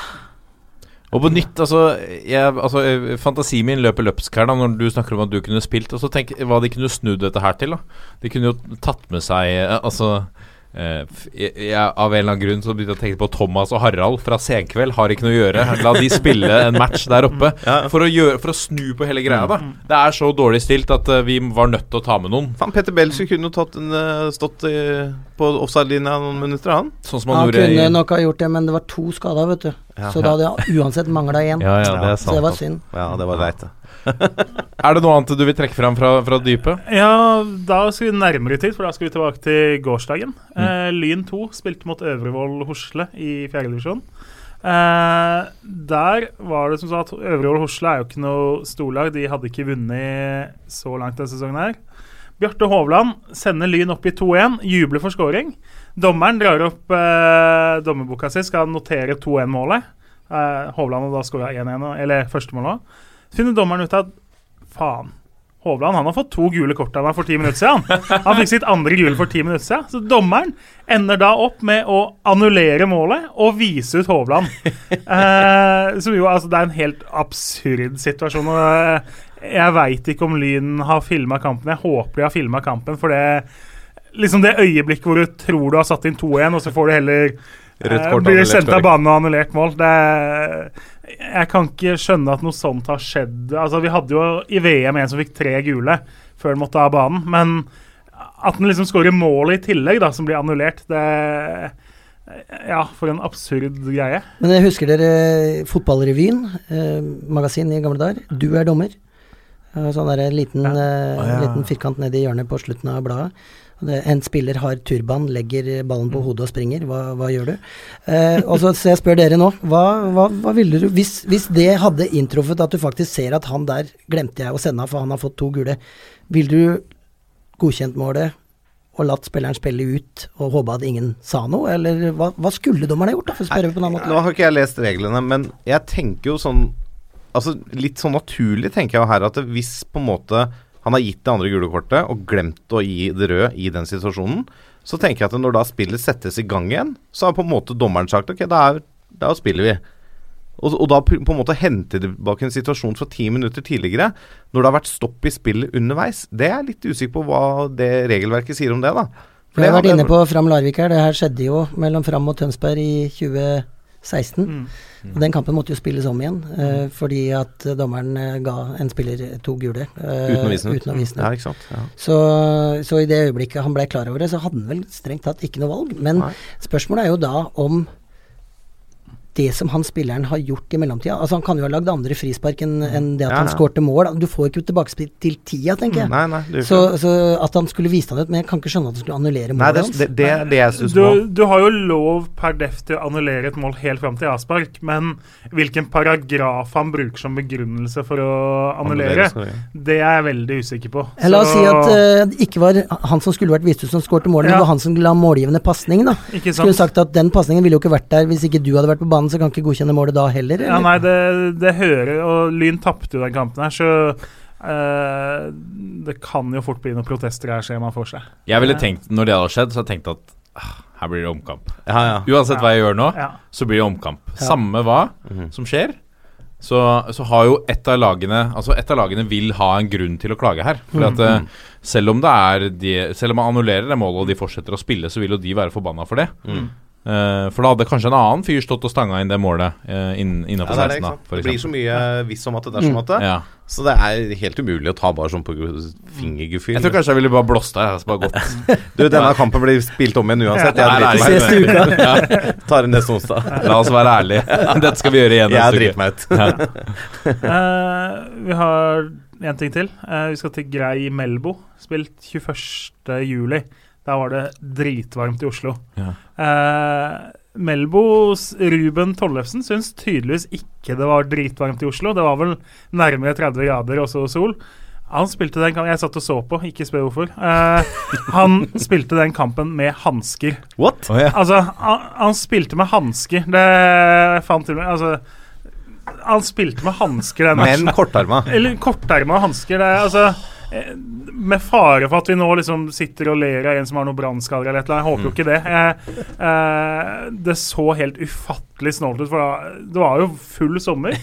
Så jeg håper han har tapt et veddemål, da. Ikke at han frøys på henda, for da Men det kan jo være noe medisinsk her. ja, men ja, jeg tror ikke han har gjort det før. liksom som, Var det frottéhansker? Kanskje han skal ha til å tørke svetten? Ja, det, Det er flis. ja, det, det var ikke liksom helt polvotte, men det, det så ut som de kunne Det være med på ja. Det var fint. Jeg kan ikke kaste, ta innkast i dag, for jeg har på meg votter. Og så har vi jo Vi må til Lura. Ja. Eh, Midtbygden mot eh, Lura, og jeg sjekka lagoppstillingen. Og så har vi jo Joakim Bortsen i studio, som jo er fra Stavanger. Yes. Eh, Så ser jeg jo at Lura har jo da Joakim Bårdsen Minde på benken. På benken. På Han må jo spille. Og da tenker jeg jeg må jo sjekke er det vår Joakim som er hjemme på ferie og har et ekstra etternavn vi ikke vet om, på en måte. Det er det jo ikke. Dette er da en junior som kommer opp. Men altså, de drar den med seg, og så lar de ikke Joakim Bårdsen spille. Ja, Det syns vi er svært uh, snålt, da. At uh, Det er skuffende. Skuffende. ja, så eh, vi regner jo med at uh, Joakim Bårdsen Minde får lov til å spille uh, de neste kampene. Han kan ikke sitte på benken. Han vil spille alt. Finnes det en uh, Jørgen Kjernås og en Lasse Ja, til i Norge? Ja, det finnes en Jørgen Kjernås til. Han bor jo da en liten mil unna meg. Har jo spilt tredje, fjerde div. Ja. så Eh, ja, uh, han har bedre stats på fotball.no enn det jeg har, for å si det sånn. Uh, så er det jo litt forviklinger av og til at vi bor såpass nære hverandre at eh, vi får litt hverandres telefoner og mailer, for å si det sånn. Ja, ja det har jo ja, Det finnes en Lasse Wangstein til. min tremenning. For alle som heter Wangstein, er jo i familie. Oh, ja, ja. Han er født to måneder før meg, og er grunnen til at jeg heter André. Til okay. mellomnavn. Må du For slenge det- på André. Ja, Fordi mutter'n og fatter'n fant ut av det etter de bestemte seg for navnet mitt, at han hadde kommet til verden. da Han har tatt eh, mellomnavn Cornelius eh, i voksen alder, for han også har fått en del brev som jeg skulle ha. Og jeg har fått sånn telefon Ja, jeg skal bare si at du trenger ikke å komme på jobb i morgen. I yngre alder. Jeg bare Ja, ok, jeg jobber jo ikke der, men det er greit, det. Drømmetelefon, det. Så ja, det gjør det. Spennende. Det, var fine, fine saker, eh, Jørgen. Deilig å komme i gang med litt breddenytt igjen. Eh, mens vi, Før vi slipper det, har du noen konkrete kandidater til Alexander Dang nå? Eh, altså årets, årets Dang? vi har jo noen, altså vi kan jo nevne Even Østensen, som jo Mm. har skåra 17 mål for Stål. Skåret over 20 de tidligere sesongene nå. Han har fått overgangen sin til Viking. Tommy Høiland har jo ikke prestert voldsomt i år, så der har vi jo en mann som potensielt kan ta steget opp fra dypet og faktisk opp i toppfotballen. da. Nå har han fått eh, permisjon og kontrakt ut året, så han har på en måte 10-12 kamper å vise seg fram på i Viking, og så får vi se da om det kan gjenskapes. Spennende. Han er, han er på vei opp. Han er på vei opp. Ellers så har vi en mann i Tromsø. Han spiller jo for Tromsø 2, da. Eh, men Sondre Mikael Olsen har så langt 27 mål i fjerdedivisjon for Tromsø 2. Eh, nå er jo ikke alle lag og dommere like flinke til å oppdatere fotball.no, så det kan være noen har flere enn han. Men han har altså 27 mål på 13 kamper i uh, fjerdediv er anstendig. Det er. Ryddig snitt. Han, har, han har tre hat trick i år, og så har han én match med fem og én match med seks mål. Så det Uten å vite så mye mer om Sondre Mikael, så er jo det et imponerende snitt. Og Tromsø 2 har vunnet 13 av 13 kamper så langt. Det er ikke så mange som kan gjenskape de statsa heller. Er det en sånn statistikk i fjerdedivisjon i Nord-Norge? Sier det deg at det er en spiller man må kikke på, f.eks.? Hvis du hadde vært trener i Ja, jeg har i, stort sett vært i klubber hvor sånne ting føles som eh, rett og slett eh, holdt på å si tjenesteforsømmelse hvis du ikke gjør det. Mm. Eh, og jobba sammen med Teitør i, i begynnelsen, og han elska jo sånne ting. Han henta Mons Ivar Mjelde fra Mosterøy eller eh, noe sånt eh, i sjette divisjon. Eh, så, så absolutt. eh, sånne ting må forfølges. Mm. og noen ganger kan det slå til, andre ganger så har i hvert fall da sjekka det ut. Eller så må vi jo for Joakims skyld. Han hadde jo Vetle Myhre som sin mann i kåringa i fjor. Han sto med 22 skåringer for Riska og har nå fått overgang til Bryne. Og får sjansen til å vise seg da i annendivisjon igjen. Så Spennende. Eh, folk vi på en måte har omtalt i den spalten, mange av dem får jo sjansen høyere opp, da. Mm. Eh, På grunn av spalten. Ja, vi regner jo med at det er en nær sammenheng. Eh, Vi vet dere hører. Ja. Mm. Spennende. Vi må følge opp eh, Nå er vi jo eh, f godt over halvveis i sesongen, så vi må følge opp eh, årets eh, Dang litt eh, nærmere i eh, ukene som kommer. Det må vi gjøre. Eh, der er det flere gode kandidater. Nå eh, må vi, mens vi sitter her, så renner du inn overganger hit og dit. Eh, hva skal vi si klok Klokka er 18.47 på overgangsvinduets eh, siste dag, så med forbehold så kan det jo dukke opp noen spillere til. Men sånn det ser ut så langt, uh, Tor, hvilke klubber er det som du ser som enten er blitt betydelig svekka eller har eh, gjort et godt vindu? Oh. Den, eh, den er vanskelig, og, og tenker at du er- bør jo vite ganske mye om de de har henta, for å kunne si noe sånn veldig konkret om det. Eh, registrerer og følger litt ekstra med på Brann, i og med at jeg har vært der noen år. Eh, registrerer jo at det var stille, stille, stille, og så at det virkelig har skjedd noe på slutten her. og Det rant jo inn der med ja, så bildet Pamer har lagt ut på Twitter her med forventningsfullt team fra BT på vei opp på stadion, så nå jobbes det frenetisk med person, med intervjuer og, og, og dybdeforskning på nye spillere, og det er jo selvfølgelig spennende og, og bra for eh, Brann. Og hvis det nå viser seg at Bamba er bekrefta, så er jo det en type spiller som eh, Litt sånn som jeg kjenner Bergen, da, så blir det enten sjukt bra, eller så blir det kanskje ingenting. Eh, og får vi håpe og, og tro også at det kan bli veldig bra for eh, Brann. For eh, presterer du noe litt utover det ordinære der, så, så er det gøy. Det er klart at Brann føler jeg nå, både med de signeringene de har gjort som går fra neste år, første, første, og de som kommer nå, de rigger seg liksom for å være bedre rusta for denne gullkampen mot slutten. Altså ha litt bedre bredde kanskje i enkelte posisjoner. Det er klart at det er sånn som uh, Henrik Kjelsrud Johansen nå blir jo da fort nummer tre på spissplass der, bak uh, Skålevik og Bamba. Eh, men de har da den bredden. Du har jo også Caradas fortsatt i miksen her, som kan både gå inn og krige foran og bak.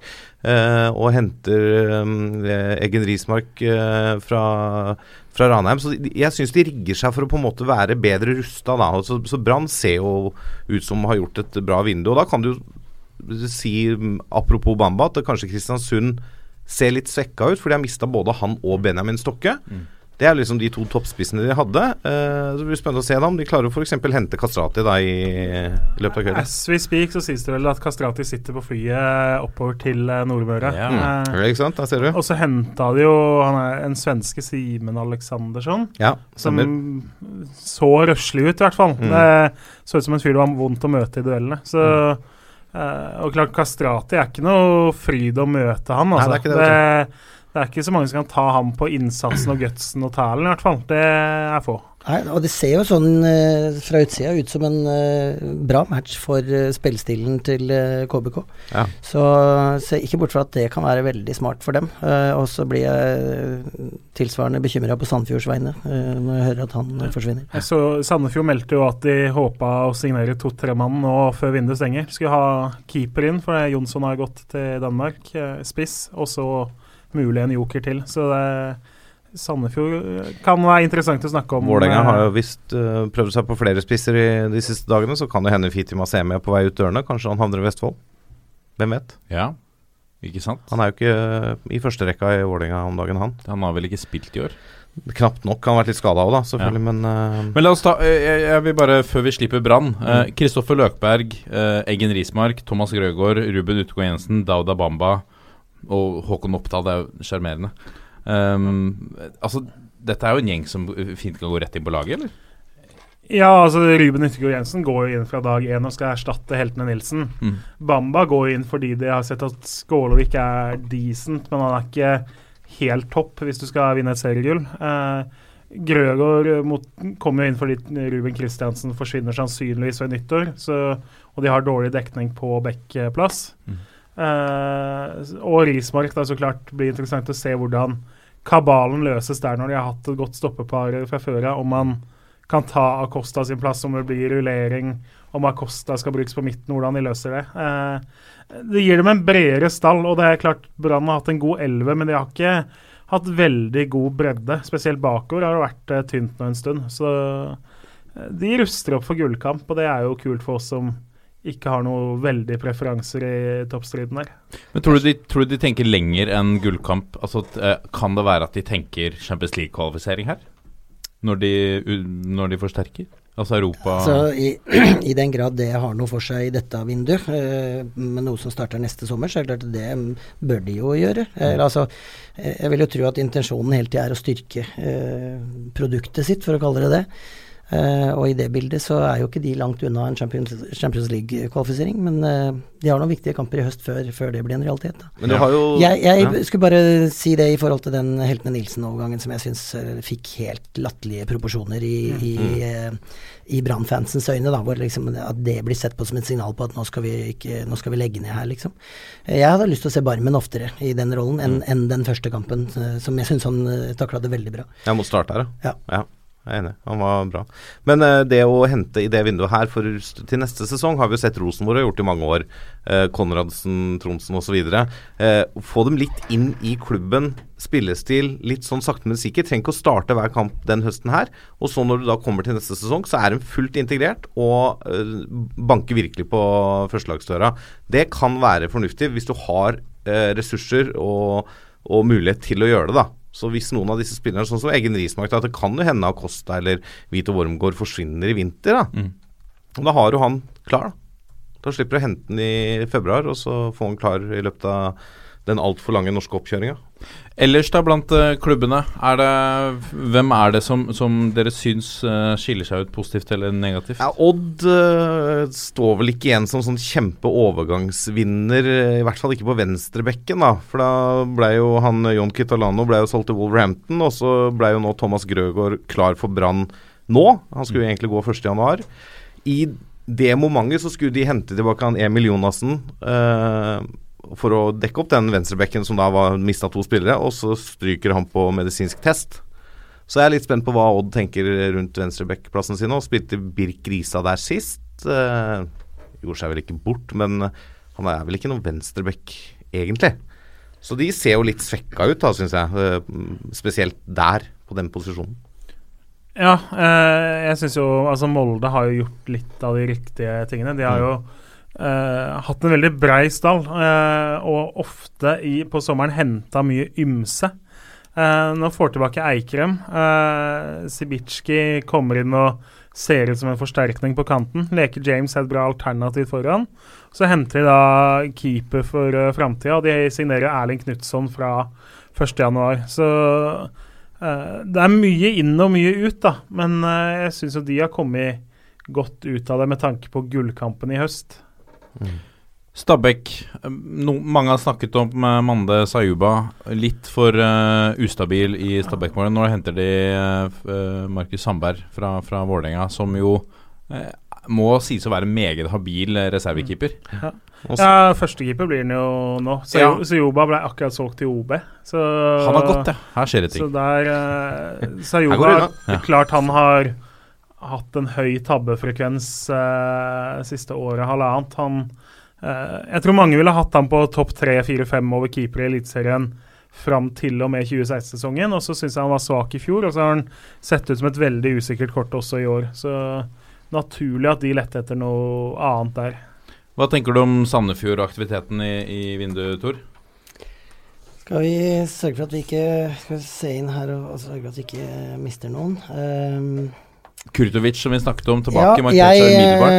Jeg, jeg eh, har veldig sansen for han som spiller, men jeg har sittet på en podkast i Sandfjord eh, med SF-podden eh, og sagt at han må jo snart eh, begynne å slåss, eh, fordi jeg syns han eh, eh, ikke har sett ut som han har tatt den delen av jobben eh, alvorlig nok. Eh, og jeg mener at det er grunnen til at han ikke er kommet mye lenger i karrieren sin enn det han er per i dag. Fordi han har, eh, han har hatt det som skal til offensivt i lang tid. Han har blikk, han har ferdigheter, men eh, jeg syns ikke han kriger godt nok. Eh, så får vi håpe at han eh, gjør det nå. Kanskje han sammenligner Eller kanskje han holder hvorvidt han skal løpe og jobbe opp mot det om han skal ta et halvår til i Obos. Så kan det hende at han løper, hva vet jeg. Håper det for hans del i hvert fall. Og ikke minst at han løper fort, ikke bare jogger. Ringstad, spiller som ikke ja, som, som går dit eh, åpenbart for eh, å, å være nærmere å få spille. Eh, og får du det, så er jo det bra, og da er det jo mm, også en forsterkning for klubben.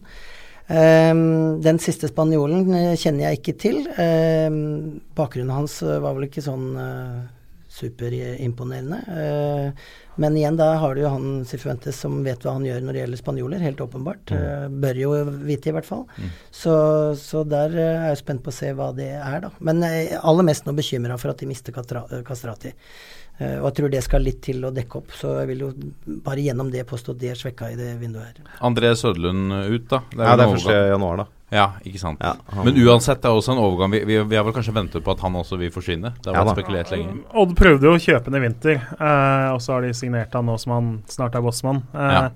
Men også en spiller som var ganske god i fjor, og så har han vært litt sånn at han ikke løsna helt i år. og Nå er det jo varsla at han skal spille ganske lite siden han har signert for et annet lag, så det er jo fair nok.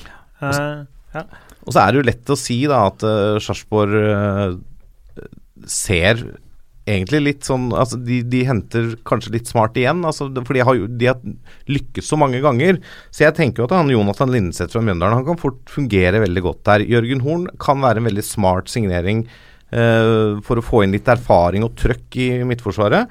Og han eh, keeperen Alexander Vasjutin, som de henta fra SL Aktia, han har jo sett um, mye, mye bedre ut enn alternativet Mm. eh, i Ashak Falk. Uh, har tatt, ser ut som han har tatt den plassen som sin med en gang. Eh, så de ser styrka ut på keeperplass, og, og dekker litt i bredden også. Og spennende med Suleman uh, Ja, Bojang altså, Skeid. Ja. Både Linseth, da, som jo er en av de mest interessante spillerne i Obos, også da Bojang, som definitivt har vært en av de mest spennende i annendivisjon i år. Det er jo veldig typiske Sarpsborg-signeringer. Mm. Eh, Bojang er jo ekstremt hurtig, og sånn sett en spiller som eh, eh, ville få mye interesse rundt seg. Så eh, nå har de jo signert han fra nå av, istedenfor at han kommer 1.1., sånn som han egentlig skulle. Bojang? Bojang, ja. Ja, jeg skulle til å Eh, si at det er bra at Skeid får beholde han i opprykkskampen, men Ja, nei, det er ikke det- tilfellet. Da kan vi jo skyte når at Skeid har henta hjem Jonny Budusson isteden, som jo har skåra lass med mål der tidligere. Fantastisk. Det er en meget god signering av unge Nordli. I annendivisjon så er det en knallsignering. Ja. Så han og David Tavakoli har jo herja sammen før de. Eh, Det blir vi må nevne én førstedivisjonssignering. Eh, Viking har henta Aksel Andreasson. 1,95 høy midtstopper på lån fra Redding. Eh, ikke så oppsiktsvekkende, men han har nok genene i orden i forhold til å være en bauta. Fordi faren hans, eh, Andres Gudmundsson, ble i 1994 Da vant han World Strongman Challenge, altså verdens sterkeste mann. Så Viking har faktisk en fyr som høyst trolig kan si at pappaen min er sterkere enn pappaen min. Det er digg å ha når det blir litt krangling inne i feltet her. Noe helt nydelig. Er det noe annet eh, dere vil trekke fram fra overgangsvinduet før vi raser videre? Det er spennende med Mikael Nore og Ingebrigtsen tilbake til Tromsø fra Mm. IFK Göteborg. Eh, jeg tror han kan bli bra for Tromsø. Dette er toppfotball. Så skal vi se nærmere på neste eliteserierunde, og vi begynner i Bergen. eh, Jørgen Kjernås. Ja, der har vi jo fortsatt serieleder Brann, da. Det blir jo interessant å se hvor mange minutter det blir på dette halve nye laget de har henta inn. Eh, regner jo med at altså, Bamba er jo i kampform. Han går jo sannsynligvis inn på laget, tipper jeg. Det, eh, På bekostning av På bekostning av altså, Det er jo alt sånn skal du slippe til noen nye rett fra start av, men Skålevik har vært under paret i siste tida, syns jeg. Eh, Skåra nå sist. Skåra sist, men altså, likevel Han eh, har ikke vært så god som han var i starten av sesongen. Jeg tipper Bamba der. Uh, Yttergård Jensen er jo tenkt å gå inn i den rollen. Starte sannsynligvis, tror jeg òg. Jeg tror de våger såpass.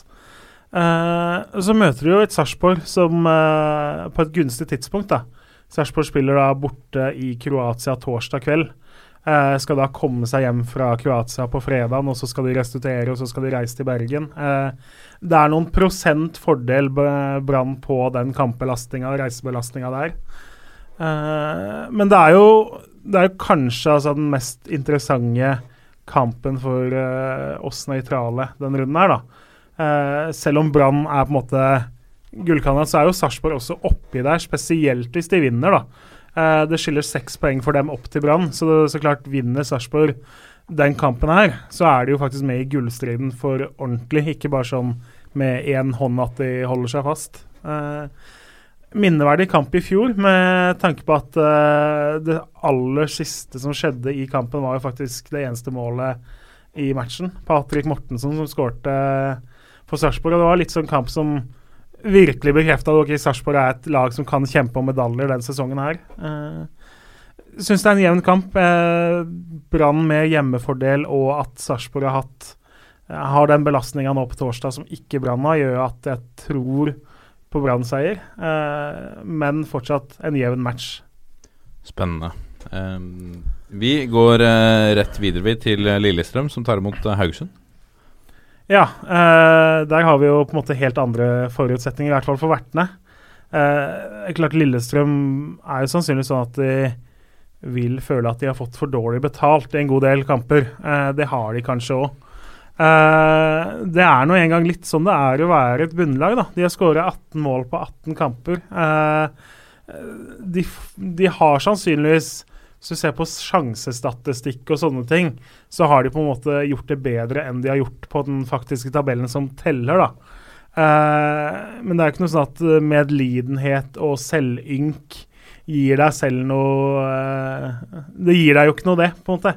Eh, faktum er at de er målforskjellen unna å ligge på direkte nedrykksplass. Eh, så jeg blir veldig overraska om du ikke får et Lillestrøm som går ut i en kamp som det her og bare er gærne, rett og slett. Eh, nå mangler jo Frode Kippe. Da må andre gå foran og ta tak.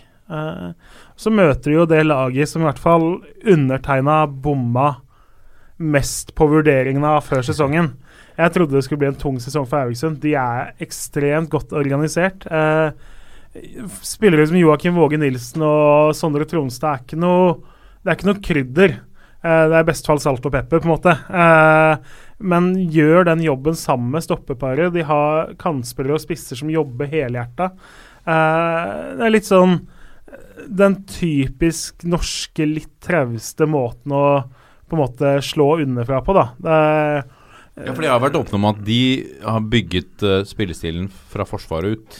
Ja, det var klart, ikke sant? Altså, Stølås, er, som spiller venstreback, er jo omtrent farligste spilleren de har. Uh, så det er klart Haugesund er et ekkelt dag i møte i form av at de har dødballstyrke. De har da uh, den foten til Stølås. Uh, de er vonde å møte. Jeg tror at på en måte hvis du egentlig syns at bryting er mer stas enn fotball, så er det kanskje den matchen her du bør velge den runden her, da. Nydelige bilder du, du skaper i denne setningen. Altså. Han maler. Ja, ja, det er helt uh, herlig. Uh, hva, hva, tipper du blir utfallet her, da? Hvis du skal Nei, altså, jeg, Det er veldig lett å tenke seg at et Lillestrøm i den posisjonen de er nå, bør være så nødende. Og altså, Jørgen Lennarsson bør ha klart å piske dem såpass at de, de er favoritter på hjemmebanefordeler, da. Men det det blir tett og målfattig. Det gjør det. 1-1 er vel ikke det verste stalltipset. Nei. Uh, vi går videre til Trondheim og Ranheim, som tar imot uh, Sandefjord, Lasse. Ja, det gjør de. Og selv om Ranheim for så vidt fortsatt er med i medaljekampen, er litt uh, overraskende apropos dårlige tips før sesongen, og kanskje også i fjor. Uh, så fikk de jo med seg en grei uavgjort mot start nå sist, men de har jo vist litt dalende form. Um, på de siste fem så er det kun én seier, og de har nå tre kamper på rad uten seier. Og som vi nevnte i stad, de har mista Kristian Christian Eggen Rismark til Brann akkurat i vinduet nå. Uh, Sandefjord fikk jo da denne nevnte oppturen mot uh, Tromsø sist, og kanskje litt fyr på bålet. Så om de klarer å forvalte det, så kan de gjøre det vanskelig for Ranheim, tenker jeg. Eh, Sandefjord, som vi også nevnte, burde slått Vålerenga på Intility, og kunne også raska med seg noe i, i Haugesund. Men jeg syns, syns de virka mer solide da mot Tromsø. Eh, måten de låste kampen på, ikke, ikke liksom datt helt ned på slutten der. De klarte å holde nullen. Det, det, det er mye i den kampen mot Tromsø som bør gi Sandefjord eh, veldig god selvtillit. Da, og da, derfor tenker jeg at uh, selv om altså Ranheim er veldig solide på hjemmebane. De har seks seire, én uavgjort og to tap, og 21-13 i målforskjell. Det er fjerde beste i Eliteserien, med litt forskjellig antall hjemmekamper selvfølgelig på dette nivået i sesongen. Eh, Sandefjord er faktisk ikke Eliteseriens dårligste bortelag. Eh, hadde det vært bortetabellen som gjaldt, så hadde de holdt plassen. Da er på 13.-plass. Eh, på trygg grunn, altså, med én seier og to, to uavgjort og seks tap, og 10-25 i målforskjell. Men ja. For noen uker siden så hadde jeg sagt at Ranheim er storfavoritt. De må nok fortsatt bære favorittstempelet, men uh, ser ikke bort ifra at Sandefjord kan uh, røske opp litt der og gjøre det litt uh, for spennende for Ranheim. Altså, så ja, knapp favoritt på Ranheim. Tror du pila fortsetter oppover, oppover for Sandefjord? De har sett bedre og bedre ut de siste matchene. Ja, de tar poeng. Det var, der var du ganske klar. Ja.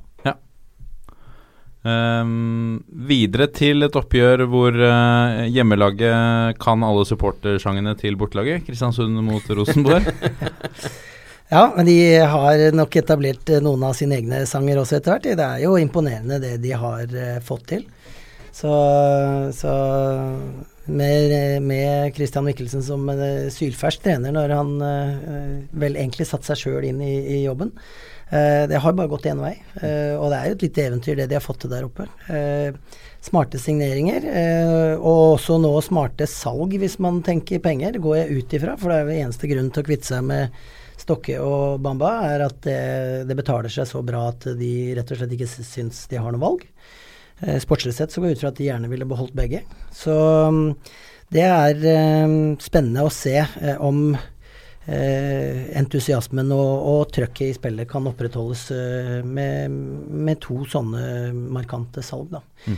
Eh, når det gjelder motstanderen, så må de snart begynne å spille bedre. Eh, jeg sitter med følelsen av at de vinner kamper fordi at de har dyrere stall. I, i mange tilfeller nå eh, vinner eller får resultat på bakgrunn av enkeltprestasjoner, men presterer altfor dårlig som lag. Så eh, du trenger ikke være Kai Bardal på Twitter for å se at her mangler det noe. Det, det, det går for sakte veldig ofte, syns jeg. Og de mangler også vet, Det er vanskelig å sitte fra utsida, og noen som, som uh, er på innsida vil sikkert si at du er helt ute å sykle. Men for meg så ser det ut som at den rolleflinkheten som har vært i Rosenborg bestandig, den er litt sånn litt borte. Og så er det gitt mer frihet til hver enkelt spiller.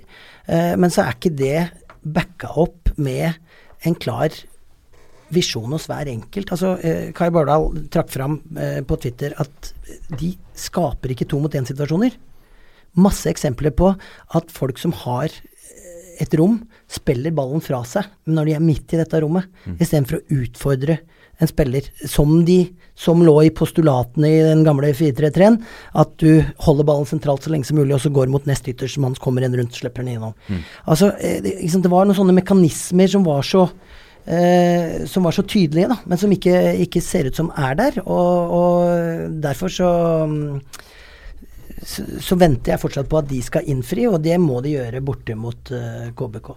Ja, det er jo uansett et interessant oppgjør, da, med tanke på at uh, Kristiansund er store Rosenborg-fans, eller har det vært det i, i, i mange år. Um, der forsvinner Jørgen Kjernås ut døra. Du må rekke, må du rekke tog? Ja, jeg må rekke litt øh, og jobbe litt. Han er gift, ja, er gift nå, vet du. Da begynner å gå til tida. Det er for seint klokka sju nå. Dette går ikke. Hvetebrødsdager, vet du. Ja, ja, ja. Ha det. det sant. Ha det.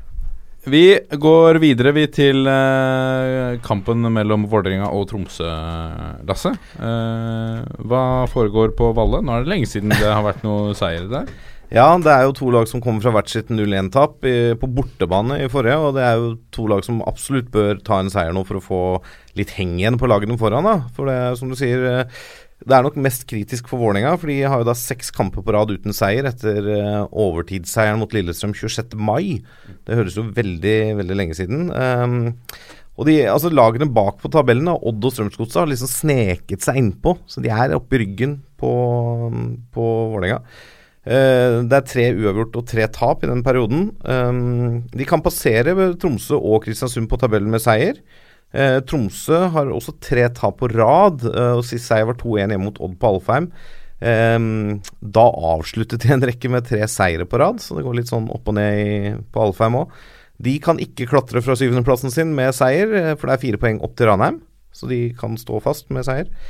Eh, I fjor endte det 0-0 i Oslo, og vi må faktisk tilbake til 2009 for å finne sist Tromsø slo Vålerenga på bortebane. Da ble det 2-4 eh, i en tippeligakamp hvor eh, Morten Molskred skåra to av målene, og utlånte Vålerenga-spiller Lars Iverstrand selvfølgelig satt inn 4-1. Ja. Daniel Fredam Holm skåra ett av Vålerengas mål, og han er sammen med Tom Høgli eh, de to eneste som fortsatt er i sine respektive klubber når de møtes nå til helgen. Det er sånn, apropos der. De møtes jo da for tredje gang i år.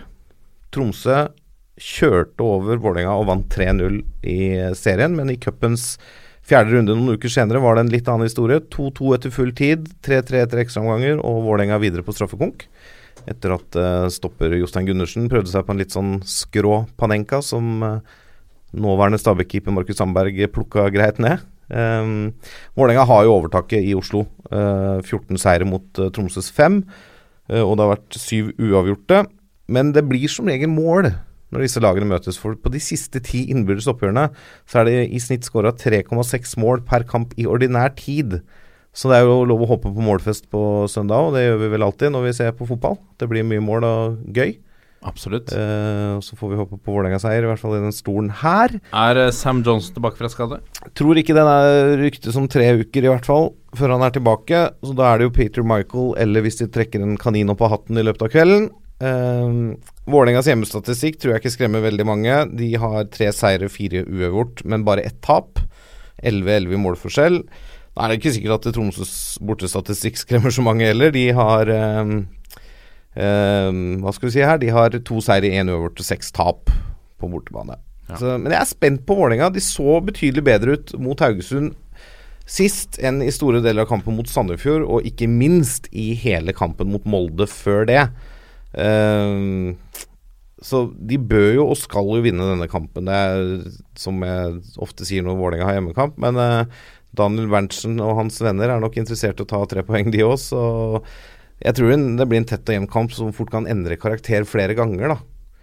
Så mm, det blir spennende. Men når vi har en fagmann i studio som også har vært i Vålerenga eh, Jeg sitter av og til og tenker, Tor, at eh, det har ikke så mye å si hvem som egentlig trener den klubben oppe på Valle. Det ser jo ikke ut til at det skal lykkes. Altså Hvis vi ser da fra gullalderen i, på 80-tallet, så er det seriegullet i 2005. Så er det et cupgull her og der. Ehm, uh, og så hadde du 2010-sesongen med Martin, som var fantastisk, selvfølgelig sånn spillemessig, og ble sølv. Men det er Det blir jo denne sjuendeplassen. og Nå blir du kanskje ikke det engang i år. Er det, er det klubben og omgivelsene som gjør det vanskelig, eller er det feil trenere til feil tid? Hva tenker du fra utsida, liksom, som er feil i Vålerenga? Ja, den som hadde hatt et kort og Da hadde du fått jobben igjen, det. Ja, ja. Ehm, der jeg har tenkt at det har mangla Mm. tidligere, har vært eh, realitetsorientering av de som faktisk spiller der. Ja. Hva, hva innebærer dette? Mm, mm. Og hva, altså jeg, sagt på en annen måte, jeg syns noen ganger det har sett ut som at noen har vært fornøyd bare med å spille i Vålerenga. Bare fått lov å komme på A-laget? Mm. Ja. Um, så da jeg er der at eh, her, folk må stikke fingeren i jorda, og så må du se Da Ser du historisk på det, da, så er det jo bare å ramse opp uh, Det er nok av tiendeplasser også i de seinere åra. Mm. Så det er jo rett og slett uh, ingen grunn til å uh, slå seg på brøstet. Eh, og da må du jo ha en, en gruppe som eh, tenker at det, det er det som er utgangspunktet vårt, og dette skal vi gjøre noe med. Mm.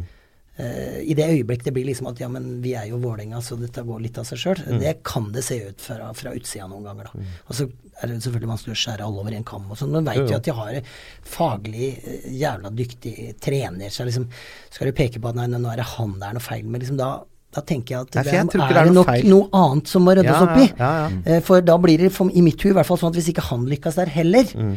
eh, så må man se om det kan være noen årsak som ligger utafor det. Mm, Eh, Og det er det jeg tror det er, da. Men, men hva som skal til Dette er hovedstadsklubb. Nå har de sine egne fasiliteter. Fantastisk.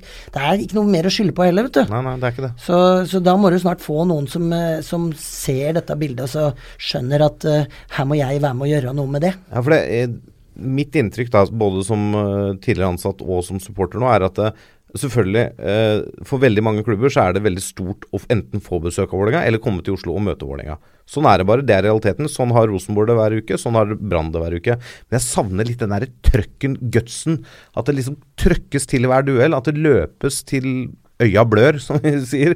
Altså det, det, av og til da, så virker det som det er litt flatt Ja. ute på banen. Og hvis det kommer at man tror at man får noe ekstra for det, eller altså at, at man har oppnådd noe fordi at man tross alt Nå spiller jeg i Vålerenga, liksom. Så er det jo noe som er feil, da. Mm. Ja, ikke sant.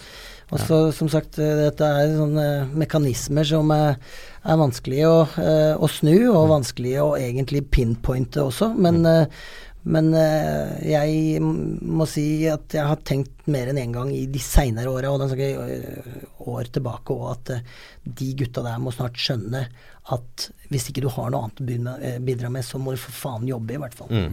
Og ikke, ikke tro at det liksom er noe bare for at du har på deg den drakta. Enig. Vi må rase, vi kunne hatt en, en hel temasending om hva som uh, bør gjøres i Vålinga er Eller eh, teori rundt det. Men vi må snakke litt om Stabæk-Molde, Tor. Ja, ehm, der, eh, hvis vi starta med hjemmelaget, så hadde de to tap eh, før de nå fikk U mot, eh, mot RBK på Lerkendal, og så ganske bra ut òg i den kampen, syns jeg. Så syns de er vanskelig å forutse. Og i sum så har de jo ikke vært så bra som de sjøl heller har forventa, vil jeg tro. Så det er litt sånn litt sånn pussig og, og vanskelig å, å, å spå. Eh, så er de hjemme mot Molde, som jo eh, som er i dytten nå. Eh, og jeg, i, motsetning til en del andre klubber vi har snakka med nå, så tror jeg ikke det kommer til å bety noe veldig stor forskjell på Molde om han Braut Haaland forsvinner eller ikke. For der var vi også inne på, der rigger man liksom alltid for neste move før noe har skjedd. Så der har de bredde nok til å fortsette å få den maskinen til å male. Og det føles det som de har fått i gang nå, så jeg Ja. tror de blir farlige utover høsten. Og de var gode i starten av sesongen da han var ute. Fram til de røyk på en smell på Lerkendal. Ja, ute. Han var vel rett og slett ikke etablert seg på laget ennå. Nei, han var han var sjuk også i, Ja. forsesongen. Så, ja. Men han har jo tatt noen vanvittige steg ja. bare på noen måneder nå, så, eh, så de har ikke rekke å bli avhengig av han, sånn som jeg ser det. Eh, og jeg tror de kommer nå. Jeg tror de blir veldig vanskelig for, eh, for Stabæk. Spennende. Markus Hamberg sin uh, blir det første kampen i buret. Det ble hjemmedebut. Han eh, Hjemmedebut, spilte på Lerkendal. Stemmer det. Ja. Strømsgodset tar imot Start hjemme på Marienlyst. Uh, Godset med en Markus Pedersen som har begynt å putte igjen. Uh, Godset som jo er avhengig av å ha en Markus Pedersen i, med, med på-knappen skrudd. Skrudd på, heter det vel. Eh, mot Start som, som har jo begynt å plukke poeng under Kjetil Rekdal. Eh, dette er jo to lag som begge står med fire poeng på de tre siste kampene. Eh, Godset med en, eh, en, eh, en eh, ok prestasjon borte mot uh, Odd etter hvert. En Jekyll og Hyde-kamp. Veldig, virkelig. Eh, BP har fått, uh, fått opp stemninga i laget. Setter uh, tydelige krav, ifølge, ifølge Håvard. Eh, er konkret på hvilke arbeidsoppgaver og hva som trengs. eh, som jo vel kanskje også har ført til at eh, noen ikke er like happy med det. Det var, mye, var litt mer behagelig tidligere, har jeg hørt.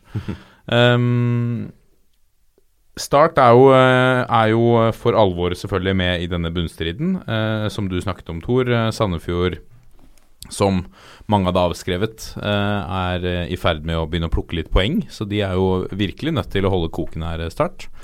Um, for det er ikke gitt i det hele tatt. Det er, altså, både Stabæk og Lillestrøm ser etter min mening betraktelig sterkere ut per dags dato. Eh, interessant match. Eh, Espen Børøvelsen ute for start. Francisco Junior usikker for godset. Eh, jeg tror jo at uh, siden det er på Marienlyst, uh, så er det vel ikke mørkt nok til at flomlyset står på. Men jeg tror jo at det holder for Markus Pedersen at han setter et par kasser likevel.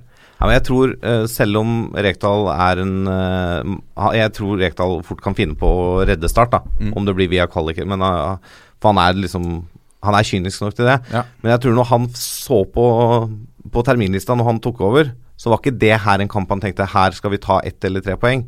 Det er liksom en sånn kamp som er bo, alt er bonus. Ja. Eh, det er andre kamper som de skal vinne eller spille uavgjort for å klare seg. Bodø-Glimt tar imot eh, Odd, Thor. Tor. Eh, hva tror du om den eh, matchen der? Eh, Bodø kun eh, fire poeng over eh, nå. Ja. Og Odd har tre på rad eh, uten tap, eh, men har ikke vært uh, gode nok borte.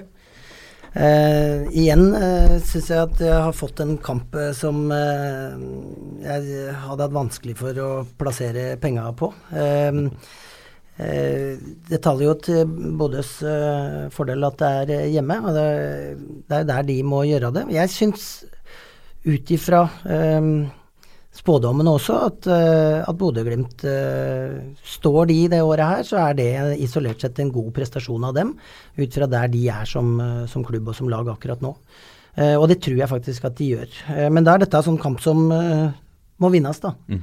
Um, hvordan stemningen er i Odd nå, det er vanskelig for oss å sitte i et studio i Oslo og, snakke om. Eh, De har jo pådratt seg noen utfordringer eh, sånn mannskapsmessig, og, og, og det at det ikke ser ut til heller å, å lykkes med, med vel den eneste signeringa de hadde satt sin lit til i dette vinduet. Så mm, jeg holder eh, Bodø-Glimt som, eh, som svak favoritt i det oppgjøret.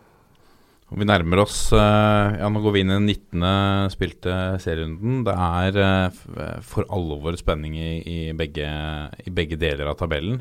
Og jeg må si jeg er veldig glad for at ikke vi har en sesong, ny sesong hvor Rosenborg har dratt fra f- med, med Ja, ja. mange kamper igjen. Altså, nå, aha, I Molde snakker de om at de, de har lyst på det gullet. Mm. Uh, og det syns jeg lover godt da når, vi er, eh, når de ligger på fjerdeplass. Altså, du har jo en-.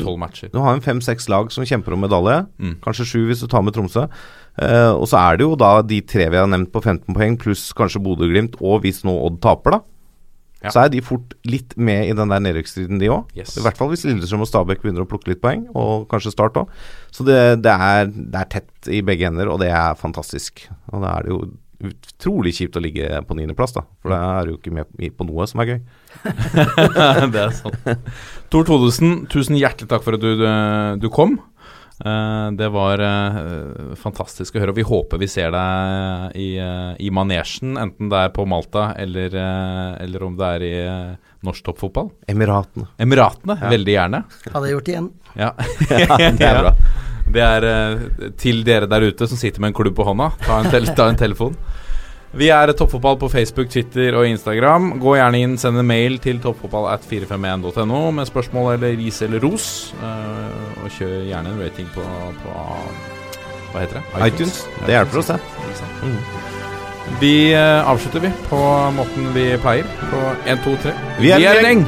Ha det!